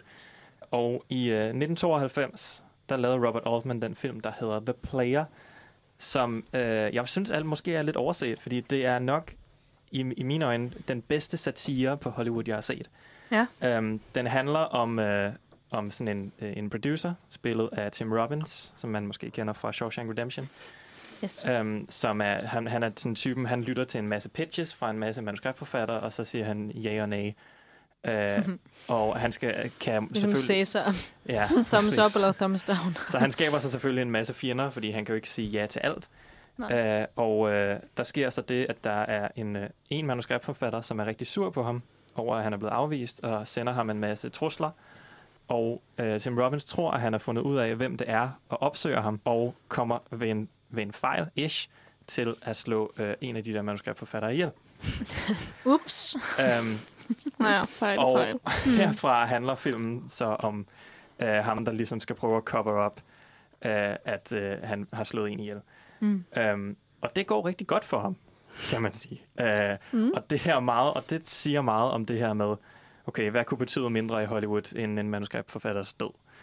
Uh, så vil Mm. vi hellere holde hånden over de, altså de, de højere magter, havde han sagt, Ja. uh, i de der studio hits. Men generelt, det er simpelthen måske den mest metafilm, jeg nogensinde har set. Mm. Altså, filmen, plottet til filmen, bliver pitchet i filmen. Mm. Altså, det er så meta, den er. Altså, det er sådan, den starter med, at der er nogle karakterer, der går og snakker om, at der er alt for meget klipning i moderne film. Og kan I huske dengang, der var de her 6 minutter lange tracking shots, samtidig med, at vi er i gang med et 8 minutter lang tracking shot. Og så handler den også om det her med, altså, at, at Hollywood bare er nogle kæmpe sellouts, eller som kun vil lave sådan en safe film. Øh, og, øh, og altså der, i starten, i, også i løbet af det her tracking shot til at starte med, eller det her long shot, er der en, som pitcher uh, The Graduate 2, som faktisk er forfatteren til den første The Graduate, Mm. som, som spiller uh, sig selv, I guess, uh, som sådan en legacy sequel. Uh, ja. ja. De Øh, bliver også ved med at pitche Julia Roberts og Bruce Præcis. Willis, Ja, øhm, som kommer i en film i filmen. ja. Ja, men det, er, men det, er sådan, det har vi faktisk også et klip af. Det er meget sjovt, fordi der kommer nogen, som faktisk har noget integritet øh, op og vil gerne pitche ham en, en ny, meget alvorlig film, som handler om, at der er folk, der bliver dømt, øh, altså, selvom de ikke for noget, de ikke har gjort, og der kommer i The Gas Chamber, og det er super trist, og alle skal græde til sidst, og de vil ikke have nogen kendte skuespillere med. Uh, så vi kan lige høre det her pitch, og så kan vi fortælle, hvad der faktisk sker bagefter. There's not a dry eye in the house. She's dead? She's dead. She's dead. Because that's the reality. The innocent die. Who's the DA? Ah, no one. No one? No stars on this project. We're going out on a limb on this one. You know, uh, like unknown stage actors or maybe somebody English, like what's his name? Mm-hmm. Why? Why? Why? Because this story is just too damned important to risk being overwhelmed by personality. Mm. Ja. Og så sker der jo selvfølgelig det, at øh, filmen bliver lavet, og de tester den, og øh, publikum hader den, fordi at de kender ikke, det er en masse nobodies, og øh, den, de bliver super trist til sidst, fordi hvorfor er slutningen ikke lykkelig? Uh, og så ender de med at kaste Bruce Willis og Julia Roberts, og sørge for, at han kommer ind og redder hende til sidst. Uh, med sådan en virkelig corny replik, sådan noget, traffic was a bitch, eller sådan noget dumt. Mm. Uh, og så selv ham, manuskriptforfatteren, som vi hørte der, uh, han, uh, synes også, han synes også, det er fedt nu, fordi at han vil bare gerne have, at folk ser hans film. Ja, og der er også, den er også kendt for at have altså, sådan noget 80 cameos og Mm. sådan noget. Alle mulige. Ja. Sådan konstant også der i starten er der rigtig mange. Jeg var, det dig, der skrev på Letterboxd, at jeg har også en cameo i The Player, så det var meget sjovt. Ja, der, der er virkelig mange kendte skuespillere med, som bare lige hurtigere med. Der vil jeg også gerne give en shout-out til, øhm, til Char, hvad hedder, øhm, hvad hedder det, Johns' øhm, filmadaptation fra 2002, som også har lidt den samme idé, mm. med Nicolas Cage i hovedrollen, som spiller, sådan, spiller Charlie Kaufman, som også har skrevet manuskriptet, og Mm. det er også den der meta-idé om, at de sk- er skriver filmen, mens de laver den, og ender med, han, han øh, øh, skal, vil gerne lave en uh, adaptation af den her The Orchid Thief-bog, som han så finder ud af, Charlie Kaufman, at det ikke, kan han ikke rigtig finde ud af, så nu må han finde ud af at lave en, så skriver han en bog om at lave en adaptation og en filmatisering af den her, og det er det, så filmen bliver mm. til. Så det er også sådan... I filmen bliver bogen også lavet. Ja, præcis. Så det er sådan en, det er virkelig meta, og Nicolas Cage spiller både øh, Charlie Kaufman og Donald Kaufman, som ikke er nogen rigtig person, men altså, han spiller som to karakterer på en Mm. gang, og fantastisk film. Og det er jo, Øh, Charlie Kaufman, øh, Kaufman er, har jo mega store problem med at lave sin film. Og så Donald der mm. kommer bare en dag og sådan, jeg vil også være manuskriptforfatter, og så skriver han en, film, mm. og han får mega meget hjælp af hans bror tvilling. Og så er den bare, så de sådan, fuck, den er god. Den her kan vi sælge til mega mange millioner. Ja, ja. Og så bliver han sådan virkelig sådan, oh, virkelig irriterende. Så det, det handler også om det der, sådan, at, øh, det der med, at der er nogen, der kommer og, og stjæler, øh, og så går det bare helt vildt godt, nogen der dukker op og bare laver en film ud af det blå, og det er alle de andre, der har kæmpet i flere år. Også fordi alle de ting, han pitcher til ham, er han sådan, ej, det var bare for sjov. Det her skal du ikke putte ind i filmen. Og sådan, mm. sådan jo jo, det gør jeg, det bliver mega godt. Ja, og så, og så bliver det mega godt. Ja. Ja, ja fantastisk. Det er, altså, det er min yndlings, øh, øh, hvad hedder det, øh, performance, eller øh, hvad hedder det, øh, optræden af, af, af Nicolas Cage. Han er også god i den. Ja. Det, den har lidt det samme som, øh, som The Player. Mm. Ja. Det kommer bare Ja, fra vildt manuskriptforfatterens øh, synspunkt, i stedet for produceren. Ja, ja men det, det, den er virkelig fed. En andet, øh, hvad kan man sige, altså det er også en satire på Hollywood, er øh, Ben Stillers Tropic Thunder fra 2008. Ja. Mm. Um, så hvor at, ja, han bare har taget alle sine gode venner, Jack Black, øh, Tom Cruise, Matthew Downey McConaughey, Jr., Robert Downey Jr. Downey, Robert Downey Jr., som blev Oscar nomineret. um, og øh, som også starter ud med, at man ser en masse sådan fake trailers, øh, som gør grin med, med både med franchises, sådan noget uh, This Time It's Different-agtige ja. Ja, ja. trailers. Så der er Tobey Maguire, der spiller. Ja. Tobey Maguire. Det er præcis. Også rigtig sjovt. Uh, og det er sådan noget reklame, sell-out, gør en grin med, og sådan de her Mm. ekstreme længder, som skuespillere vil gå for at Ja. få en Oscar. Ben Stiller har lavet fem film eller sådan noget i sådan en franchise. Sådan, Han er tilbage. Og nu er han tilbage igen igen. Og så er han tilbage for femte gang. Men Ja. ja. og så laver han sådan en virkelig dårlig film, som nok er sådan noget lidt uh, Forrest Gump rip-off af en eller anden form. Mm. Mm. Øhm, som bare var vildt dårlig. Øhm, men så der, hvor de kommer hen, så er de bare kæmpe store fan af den. Men ja, og der har de... Er det det klip, vi har også? Det har vi. Jeg, skal, Hvor- jeg er lige i gang med at finde det frem. hvor Robert Downey Jr. står og øhm, snakker med Ben Stiller om hans rolle i den film, fordi Robert Downey Jr. spiller en skuespiller, der er rigtig into method acting Mm. på, på sådan et punkt, der er for meget. Mm. Mm. Øhm, ja. Sådan lidt... Øh, Ja, altså, altså der, hvor han, han får lavet en sådan en pigmentændring, så han faktisk bliver mørkere i huden, fordi han gerne vil spille afroamerikaner.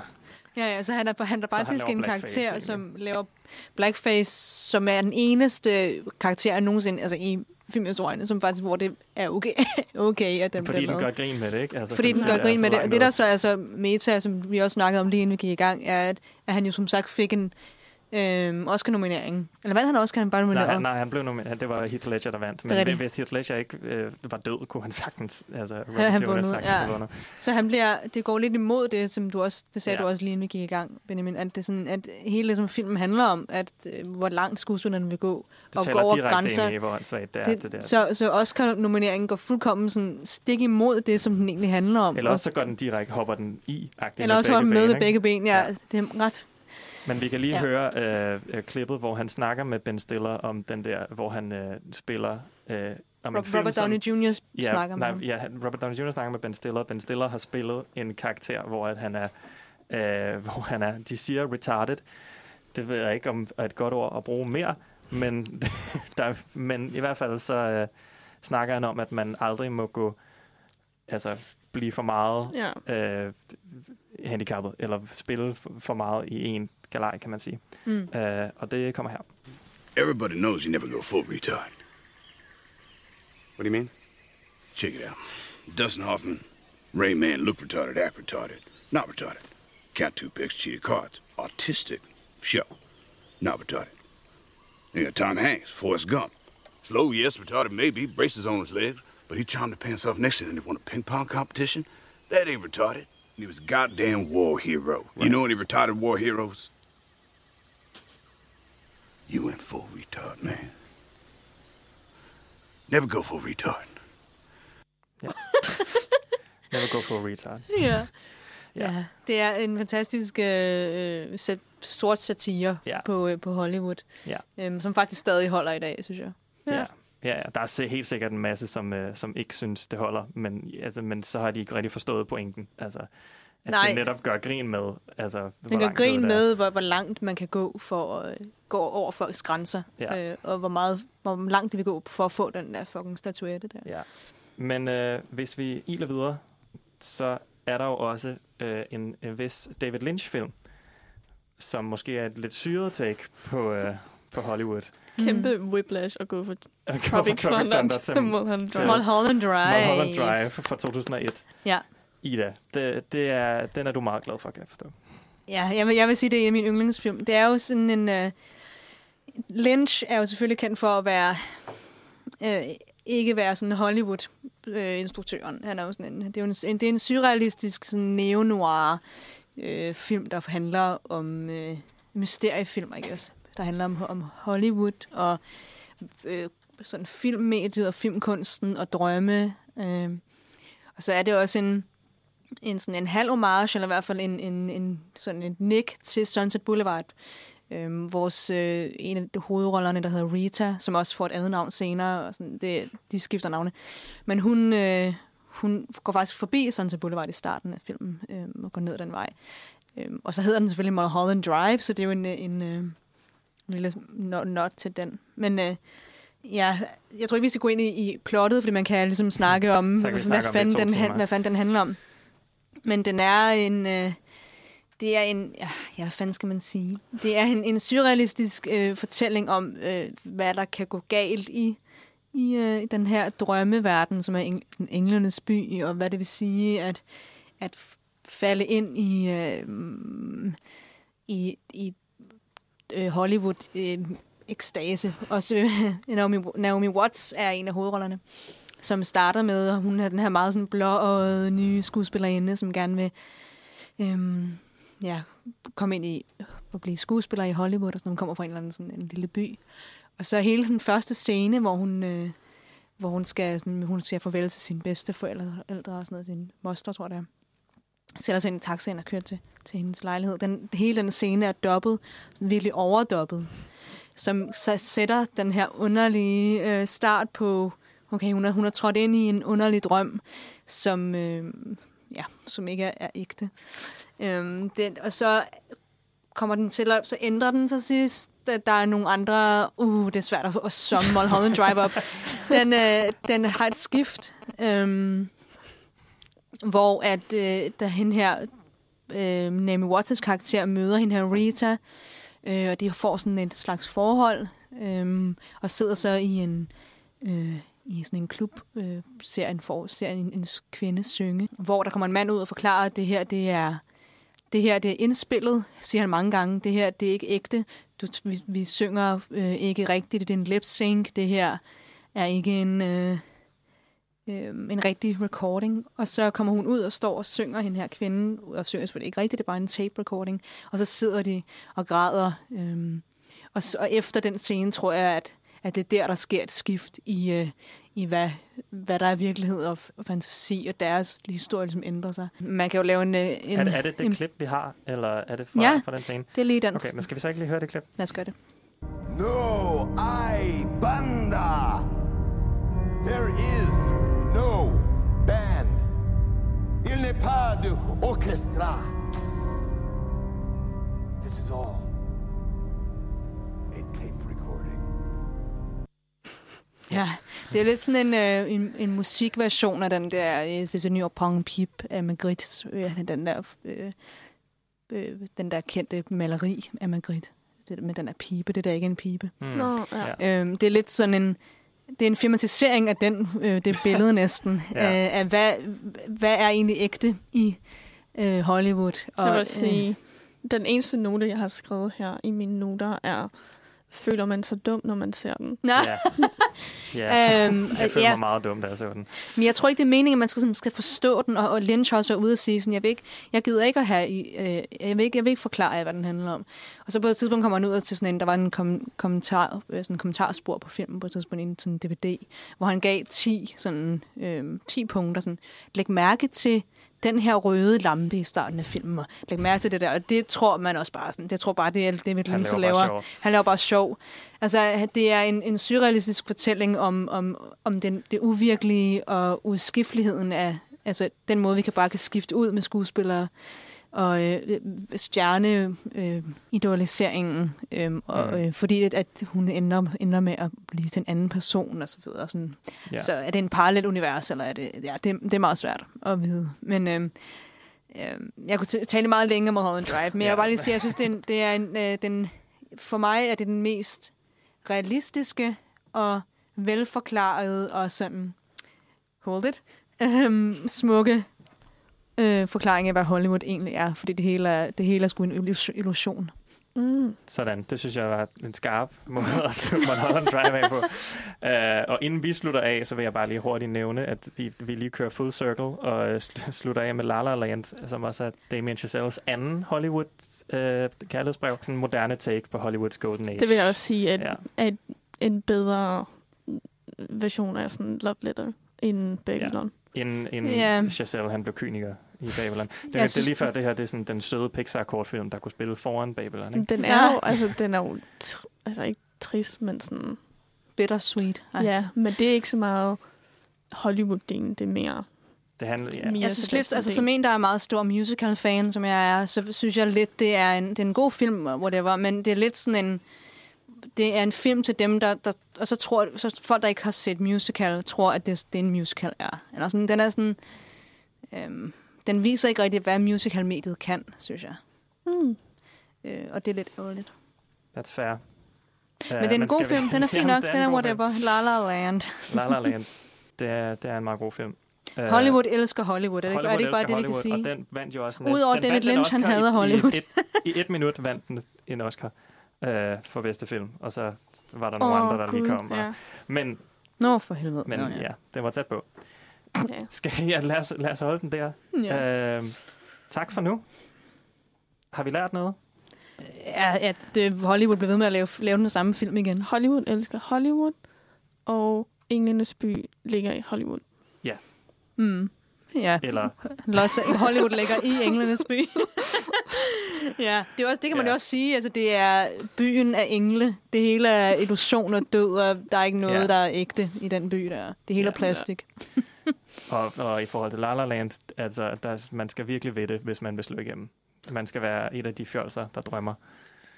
Nå, Øh, ja. Og så øh, bliver man måske spyttet ud senere, når de ikke har brug for en mere. Ja. Skal du op fra alt. Og film er fantastisk, men, øh, men stjerneidolisering Og er noget lort. også, er det øh, ikke det, vi kan sige? Gå ud til den der Cinema Paradiso, som også er et rigtig fint love letter til film, men ikke så meget Hollywood. Ja. Ja. Ja, der er mange, der er mange Der er smukke mange. film om film. Mm, og vi kan jo selvfølgelig ikke nå at snakke om dem alle sammen. Men det var det, vi nåede. Og øh, så synes jeg, at når man har lyttet til det her, så skal man jo selvfølgelig gå ind på nosferadio.dk og læse Amalies anmeldelse af The Banshees of Inisherin. Og ellers så kan man jo gå tilbage der, hvor man lytter til podcasts og finde vores andre podcasts. Jeg tror, det var det. Ja. Det er færdigt. Længe Tak leve. Hollywood. Længe leve. Hollywood. Det dør lige om lidt. Ja, og så Tror I ikke det, at Hollywood falder snart? Babylon. Babylon. Babylon falder. Jamen, det kan være, det er det, Damien Chazelle er bange for. Det kan være.